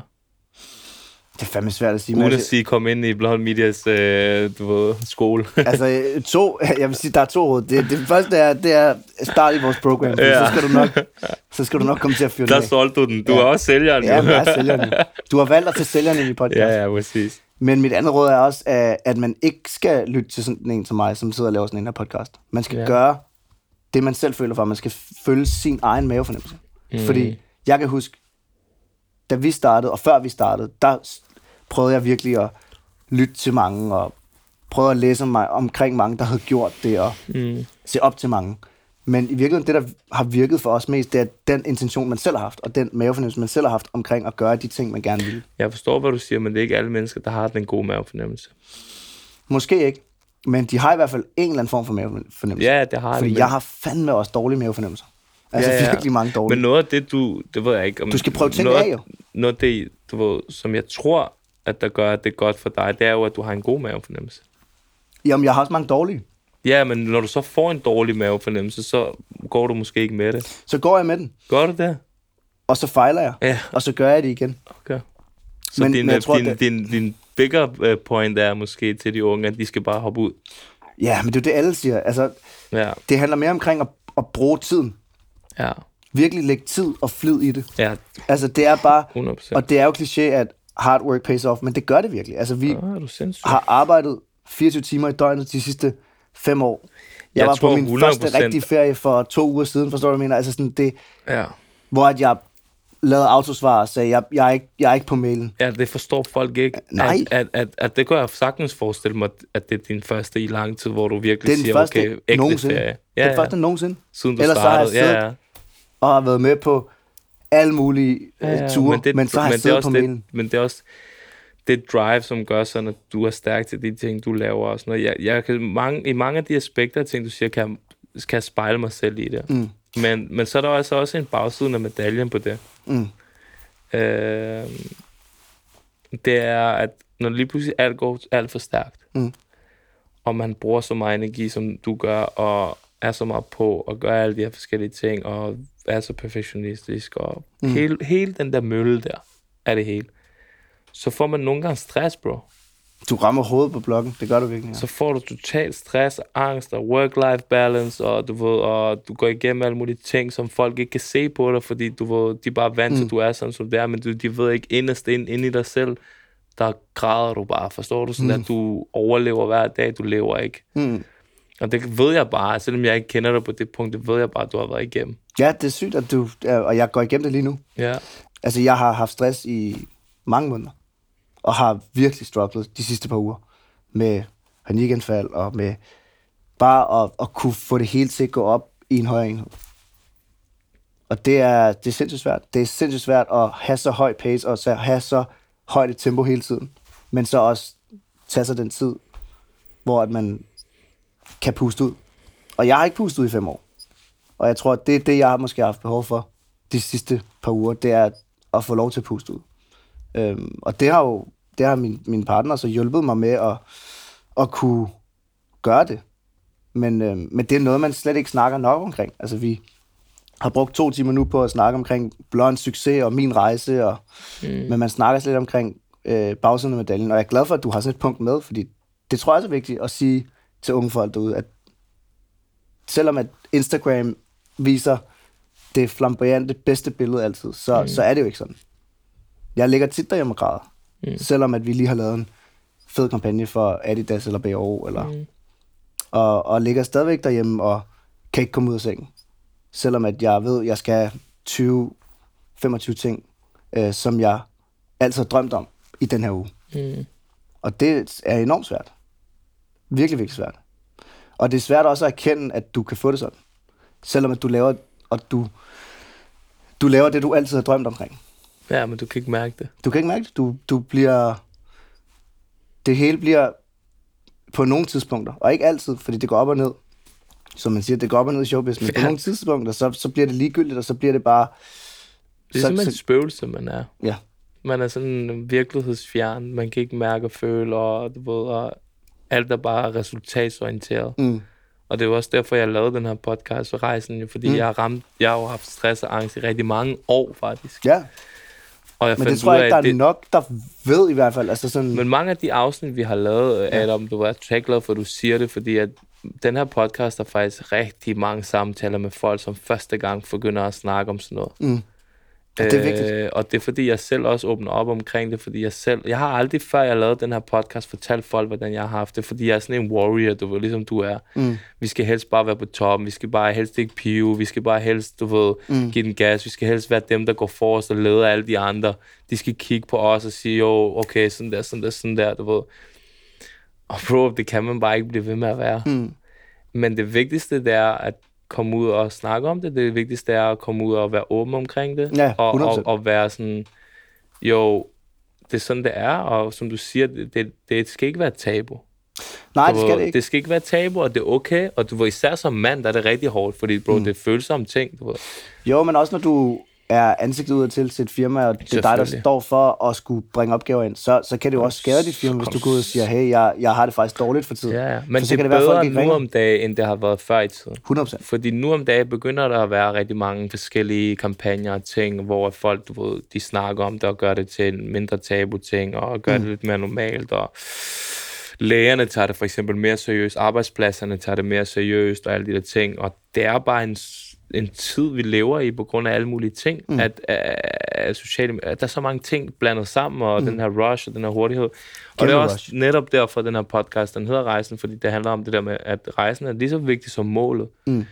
Øhm, Ja, man skal tro, tro på processen, men man skal, heller ikke, øh, man skal heller ikke glemme sig selv i processen. mm, Og det tror jeg måske faktisk er et af de bedste råd, man kan give. Det er bare, Mhm. at man også skal nyde rejsen og nyde den proces, man har, og Mhm. tro på den proces, man går igennem, og ikke bare kun tænke på, hvad er end goal, og hvad er det. og, og, Fordi- og penge. Ja, og så snart du når dit mål, så vil Mhm. du altid lave et nyt mål. Ja. Jeg har altid drømt om, at vi skulle have sådan et her kontor, men ja. Nu er det, du, du kan ikke engang føle det. Det er et problem, jeg er glad jo. for det. Jeg er glad for det, men, men, men jeg har jo også sat nye mål, og det Ja, ja. gør... det er også farligt. Så, sådan er det jo også, når man er sådan en Ja. person, som gerne vil fremad. Mm-hmm. Men man skal også virkelig huske at stoppe op og lige kigge tilbage og tænke Ja. på de ting, som man har opnået. Og så går man til alkohol, fordi så kan man føle. Så går man til alkohol, man og så går kan man til... føle, du ved. Så man sådan, du går ikke i byen ædru, fordi så, du så drikker uh, så fejrer vi lige, hvad der er sket. Men du fejrer det ikke den dag, du ved, du fik lokalet. Nej, nej. Og så fejrer du det i weekenden, fordi uh, så kan du, ah, du mærke Så kan du slappe af. Og det er der, hvor man finder ud af, okay, vi har et problem her. Mm. Og hvis du ikke kan føle det uden dit, uden dat, uden alt muligt, uden at se det på din Insta igennem en anden, whatever, du skal føle det inde hos dig selv. Mm. Du skal mærke dig selv, du skal føle dig selv. Du skal selv arbejde med dine ting og dit selvværd og din mm. alt muligt. Og når du gør det, og når du kommer igennem det, så kommer du ud på en eller anden måde som et, sådan et menneske, sådan der, så der er ikke nogen, der kan stoppe dig. Mm. Kan du føle mig? Sådan der. Det er ligesom jeg plejer at sige, jeg ved ikke, om jeg har sagt det mange gange i podcasten, men der Eminem går op i 8 Mile, ikke? Og bare går ind og sviner sig selv til. Mm. Ja, det er et ikonisk... Det Og så, du ved, bagefter ham, der han skal til at rap battle mod ham, han er sådan lidt, hvad fuck skal jeg sige til ham her? Ja, Han har lige sagt til mig, at han har angst, han er dit, han er dat, han synes whatever, ja. whatever, alt det der. Du kan ikke, der er ikke nogen, der kan fortælle dig noget nu, jo. Forstår du, hvad jeg mener? 100%. For de kan ikke sige noget dirt på det, for du har sagt, jo, hands up, jeg er sådan her, jeg er whack. Det er også derfor, du ved, jeg kan bare mærke, efter at have lavet min podcast, hvor jeg har fortalt rigtig meget om mine dårlige sider, Mm. Så kan jeg bare mærke, når jeg går ud af døren, så er jeg sådan lidt, jo, folk hører den her podcast rigtig meget. Og du får lettere Og når jeg en eller anden, når jeg går ud, så er der en eller anden, der siger sådan, jo, hvor er det for fristende at høre dig sige sådan og sådan og sådan her, fordi det er alligevel på et medie, som er sådan ud til folk og sådan Ja, noget. der er folk, der hører det i hvert fald. Ja, det er ikke og sådan, jeg kunne også mærke på dig, du ved, at du siger det her i det her, og du ved, det kommer lidt ud, og sådan, og jeg synes bare, at først og fremmest skal du vide en ting, jeg har kæmpe respekt for, at du gider at sige det. Mm. Øh, og en anden Ja, ting skal du vide også, at vi skal mødes efter det her, og vi skal snakke, fordi jeg tror, jeg kan give dig en masse råd til, hvad jeg har gjort for at komme et sted hen, fordi mm. jeg havde det altså i 5-6 år. Mm. Det er det, jeg har faktisk siddet og håbet på hele vores samtale, Ja. at du ikke vil spørge mig, hvordan har du det lige nu? Fordi jeg gerne vil udenom det. Men så kan jeg bare mærke, nu når vi snakker om det, så er det bedre ligesom at få det sagt. Så skal jeg altså lige sove på den i aften, om vi skal klippe det ud eller ej. Men, Ja, ja, men jeg tror, det er det jo er, også en privat ting, jo. det er en privat ting, men det er også enormt vigtigt. Altså, der er mange af de kollegaer, der sidder derude, Mm. som, Som ikke ved det, her. det, ja, som ja. ikke ved det her. Men ja, som, fordi du er for stolt til at, at sige det. Mm, jeg, jeg, jeg vil sige, jeg, jeg tror ikke, jeg er for stolt. Jeg, jeg er bange for, om det går ud over dem og os. Ja, Jeg er bange for, at det går ud over det her setup, vi har lavet her, fordi det har taget så lang tid at bygge det. ja, ja, selvfølgelig. Så det, vi har bygget det Så nu, hvis Sheffi lige pludselig ikke er på... Altså, hvis han ikke, hvis, ja, ja. hvis, hvis han ikke kan være, være på klubben, eller Ja, han ikke kan være ja. med på optagelserne, eller Ja. hvis ham, der går med fanen, ikke kan være fanebæren, Mm. hvad så? 100 procent.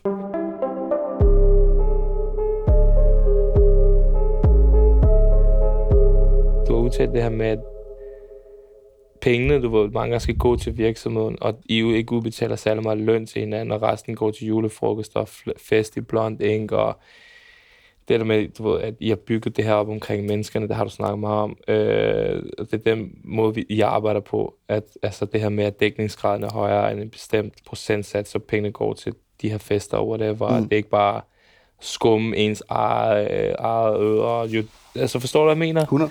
Og at I også fortæller det til folk, der arbejder her, og I selv beviser det og går forrest og viser det og sådan noget. Det synes jeg er fucking interessant. Det, det handler om, du bliver nødt til at være ærlig. Du Men er det ikke også kommet lidt af, at hvordan man så også har haft det? Fordi så finder man ud af jo, om vi så omsætter for, I omsætter for i 2017 for 1,1 mil Mm. hvidt. Ej, slap af. Jeg laver sjov. I Ja. 2018 3,3, det er alligevel et rimelig stort hop, og det her det er Ja. altså 2018, det er alligevel Ja, ja. en lille anden siden, jeg tænker, at det kun går en vej. Øh, men, Ja. men, men finder man ikke også så ud af, om man så har den her mil, eller den her mil, eller det her, det betyder egentlig ikke så meget i sidste ende, hvis, hvis man har det sådan, som du har det. Jeg tror, den million betyder jo i virkeligheden, altså hvis det er omsætning, man snakker om, Ja. så betyder den jo alligevel ikke noget, hvis den ikke er et overskud. Men den, er betyder rent forretningsmæssigt. men den betyder noget i virksomheden, fordi du kan, det er nogle penge, du kan bruge. Selvfølgelig, men nu snakker jeg bare om sådan ren, hvis du har det sådan, som du har det, Mm. så om du har 5 eller 10, det er ligegyldigt. Jamen, jeg tror, jeg adskiller det meget, fordi jeg, okay. tænker, ikke, jeg tænker aldrig i personlig formue. Jeg tænker ikke, at... Nej, nej, ikke i din form, men hvis du har det skidt, Mm. så, er bro, så bedre at have 5 og have det godt, end 10 og have det sløjt.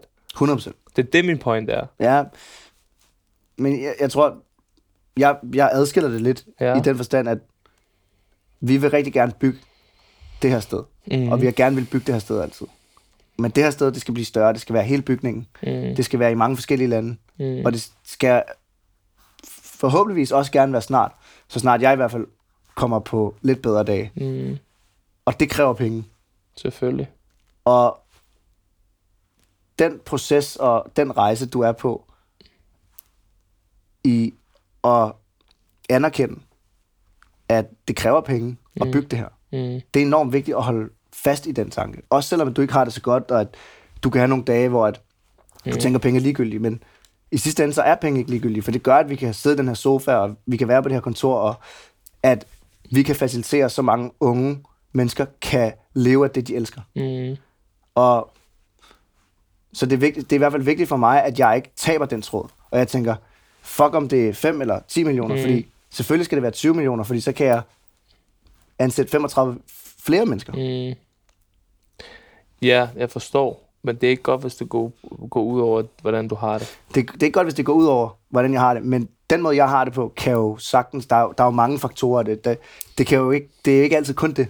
Nej, nej. Forstår du, hvad jeg mener? Det kan jo ja. være alt muligt. Men nu når du snakker om langt liv. kapital, så kommer jeg til at springe over et spørgsmål, som faktisk er ret interessant, som et af de vigtigste. Jeg ved ikke, hvorfor jeg sprang det over, fordi ja. det er altid det, jeg har tænkt rigtig meget over med jer, for eksempel, eller generelt forretning. Og mm. når folk, når jeg sidder i et møde, hvor de siger, Druxi, man, det du har lavet, du kunne altid have taget det til så mange større steder.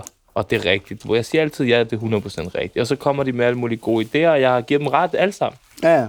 Jeg siger, det er rigtigt, hvad du siger. Det er også rigtigt, det er også rigtigt, 100%. Hvor spørgsmålet er, hvordan føl, hvad føler du opskriften er for vækst, hvis man ikke har kapital til det? Og sælge. Sælge dit brand. Altså, du bliver nødt til at kunne sælge det, som, som det er, som du har at byde på. Mm. Og hvis du ikke... Men hvad så, hvis du ikke kan ansætte folk, og, og du ved, for at skabe vækst, så skulle, bliver du jo nødt til at på en eller anden måde kunne ansætte nogle folk, eller have nogle folk, eller et eller andet. Mm. Er det så, hvordan vækster du, men du har ikke kapitalen til at vækste? Altså, jeg, jeg kan godt fortælle, fordi jeg har prøvet det jo med, Ja, ja. med DDS. Vi havde ikke en rød rej. Nej, nej. For mig var det bare at blive ved med at arbejde hårdt og lave noget unikt, og så content, content, content. Content is king, og så... Ja, ja. Du det er vi havde sådan, 0 at- kroner i markedsføringsbudget, og så var vi bare sådan lidt... Vi solgte et movement. Ja. Forstår du, hvad jeg mener? Præcis. Det er min ting. Men jeg vil gerne høre fra din ting, hvordan du ser, ligesom, at opskriften for vækst er, hvis man ikke har kapital. Hvis du ikke kan ligesom, bare tage nogle penge og sige, mm. hej, jeg vil gerne betale den bedste grafiker til at lave det her projekt, mm. whatever. Jamen for det første handler det omkring at, at have nogle dygtige kræfter fra start. Altså vi har været heldige med, at øh, Daniel var sindssygt dygtig til at lave film. Philip var sindssygt Ja. ja. dygtig til at tænke kreativt, lave grafik og tage billeder. Mm. Og hvis du kan starte med at sælge det, og de mennesker, du har at gøre med, er dygtige, Mm. så ret hurtigt kan du også op prisen. Mm. Og så handler det også omkring at stå op for den pris, du har, Mm. og ikke bare gå kom- på kompromis med, er det noget, som kunden vil betale. Altså, du bliver nødt til ligesom også at, at sætte en streg i sandet og sige, prøv at Ja. vi er dygtige til det, vi laver. Men det er sjovt, fordi så står der her, når man starter, så begynder man at lave de her ting, og man laver det, og så lige pludselig bliver man dygtig, man synes selv, man er dygtig, og så, ved, vi har snakket lidt om, så begynder man at miste kunder jo. mm. Hvad gør man så der? Fordi man er sådan lidt, åh, man er i starten også lidt bange for at miste, fordi man er sådan lidt, Mm. du ved, den der balance, den er jo faktisk svær, rigtig svær i en nyopstartet virksomhed. Det er det, men jeg tror, det handler meget omkring at sige, at de kunder, der falder fra, der var det måske ikke meningen, at det Ja. skulle være på den måde. Ja. Øhm, men det, jeg vil sige, vi, vi beholder ret mange kunder, fordi vi har også Mhm. mange forskellige prisklasser. Mm. Altså, vi har både Philip og Daniel og Alfred, og nogle af dem, der altid har været her, og mig. Mm, Mm, mm. Men vi har jo også rigtig mange unge nye folk, og det er Mm. klart, de unge nye mennesker, som er nyudknækket fra vores Mm. akademi, som stadig er i deres teenageår, de Mm. mm. koster ikke det samme, som jeg koster. Ja, ja, ja. Og hvis du har forskellige prisklasser, så kan du også facilitere og tilbyde øh, ja. forskellige opgaver Det er til kunder. smart, det er meget smart. Øhm, og det er jo det, for, Så I heller ikke er. mister, du ved, de kunder. Vi mister ikke kunder, fordi Ja. vi holder fast i volumen. Mm. Så den dag, at vi laver en... Men hvad gør man så, når du løber, løber rigtig hurtigt rundt, men du har for mange hænder ude på de forskellige projekter, men der kommer folk ind fra siden af og siger, jo, vi vil gerne have det her, men I kan ikke gøre det, fordi du, der, er, der er desværre for meget run. Altså, hvis kapaciteten ikke kan følge Ja, med, så... det det. så øh, Kapaciteten kan ikke følge med. Har du prøvet at være i det? ja, det er, Ja. jo, det er jo grundlæggende facilitatoren for min stress. Det Okay. er jo at, at tage for meget ind, tage munden for fuld. Ja. Og det er min, min evige kamp. Det er at kunne sige nej. Ikke at have været ja-hatten. Altid. Fordi vi har stået i mange situationer, hvor vi står på en optagelse, og kunden siger, hey, kan du lave det her næste uge? Hvor vi så er endt ud med... Hvor du bare har lagt Jeppe K. Ja, ja, selvfølgelig. Vi kører, bror. ja. Vi, okay, så kører vi døgndrift en uge mere. Ja. Og så en uge mere, og så en uge mere, og så en uge mere, indtil at der er en eller anden, der får et panikanfald, som så i heldigvis i, i, i den her situation har været mig. Men der er det problem igen. Heldigvis dig. Og jeg vil hellere have, at det sker for mig, end ja, at det sker for en anden. men det er derfor, det sker for dig. Måske. Men det er jo også det, jeg arbejder med Fordi nu. du ikke passer på dig selv. Og, og lære at sige nej. Og det er det, vi arbejder meget med nu. Mm. Sige, når en kunde kommer og siger, hey, vi skal have lavet det her Mm. med det samme. Jamen, hvis- kapaciteten ikke kan følge med. bare lige huske, at for at du kan passe på dit hold og dine mennesker og alt det der, ikke, så skal du først og fremmest passe på dig selv. Og det er det, Fordi hvis du ikke er den bedste version af dig selv, så kan du ikke være den bedste version over for dem. Præcis. Og det er jo derfor, jeg ikke er på kontoret hver dag lige nu. Habibi, bror. Skal I lave serier snart? Ja, det skal vi nok. Det var der Skysen er. Det ved jeg ikke, om det er. Der er omsætning, og jeg ved ikke, hvor meget profit der er i det. Immaterielle rettigheder og alt muligt, og hvordan du laver kontrakterne og sådan noget. Det er, altså, det, det er svært Siger at du sige. til mig, at der er penge i musikvideoer? Nej, men vi laver heller ikke så mange Nej, det er det, musikvideoer mere. siger, du ved. Vi det laver mange folk har reklamer. misforstået det der med, at der er penge i musikvideoer. Jeg tror, du sagde det lige før, content is king, og det er det, vi går op i. Vi går Ja. op i content, og lave kvalitetscontent, men også Så at have hvad, høj hvad, volumen. hvad, er, hvad er fremtiden for, for Blond Ink? Fremtiden for Blond Ink er, at, at det her setup, vi har her, skal blive større, men heller ikke for stort i Danmark. Mm. Men så skal vi copy-paste det i mange forskellige byer, også Ja. i udlandet. Sådan have en blueprint for det, ikke? Jo. Ligesom Gorms Pizza, der blev solgt for 40 mil, kun fordi han bare havde sådan en blueprint, som bare kunne gøre, at du kunne bare trykke på en knap, Mm. så kunne du åbne en her, her, her, her. Og det er noget af det, jeg synes, der er mest interessant ved nogle af de der madsteder. Nu mm. kender jeg selv en, der har et madsted, som har sådan 8-9 butikker. Og at det er interessant at se, hvordan han bare kan åbne og åbne og åbne og åbne. Mm. Og det er jo det, der gør sådan, at kapitalfonden synes, ting er rigtig spændende jo. Mm. Fordi at nu er der negativ bankrente og alle de her forskellige ting. Ja, så det bedste, de kan gøre, det er enten at gå og investere i aktier, whatever, eller du ved, fucking hive dem ud af banken, Mm. eller gå ind og investere i noget. Ja. Og hvis I kan have en blueprint fuldstændig en til en for, hvordan blond media fungerer, og hvordan den vil fungere i et andet land, og have en skabelon for det med, jeg ved ikke, hvor mange siders powerpoint. Det er det, der kommer til at gøre sådan, at jeres værdi Mm. kommer til at være rigtig høj, Mm. og det, der gør sådan, at I kan åbne flere steder. Så jeg ved ikke, om I allerede gør det, men min bedste råd til jer, det er at finde ud af at bruge rigtig mange timer på at lave det blueprint, Mm. som er snorlig, ligesom en fucking McDonald's håndbog. Mm. Og hvis I kan lave det, Mm. så kan I godt rykke på de der ting hurtigere, end I faktisk måske havde troet, I kunne. Vi- Altså, vi har mange ting, der kommer nu. Der Fordi det er jo, du siger, at du skal ansætte flere og flere mennesker alle mulige steder. Mm. Og hvis de har den der McDonald's håndbog, Blond Media der, Mm. eller undskyld, Blond Ink, så kan I lige pludselig rykke. Men hvis I tror, I skal komme ned og lære dem, og dit og dat, og alle de der ting og sådan noget, det kommer til at tage lang tid. Så det, hvis I ikke allerede laver det som mit bedste mm. råd til jer, hvis I skal nå de ting, Ja, ikke fordi jeg skal lyde som en guru eller nej, noget, nej, men du har ret. men det er jo det, der er spændende, Du har- så du har- kan komme de der penge og kapitalfond, whatever, af investorer og alle de der ting, som I måske, måske allerede lidt har, har I det? Ja, nej, det har vi ikke. Og vi, jeg tror ikke, vi er heller ikke interesseret i det. Vi er Nej. interesseret i at lave det her Ja. i mange lande. Jeg er interesseret Ja. i at kunne facilitere og skabe muligheder for unge mennesker i rigtig mange lande og i rigtig mange byer. Og gøre det endnu mere kreativiteten op.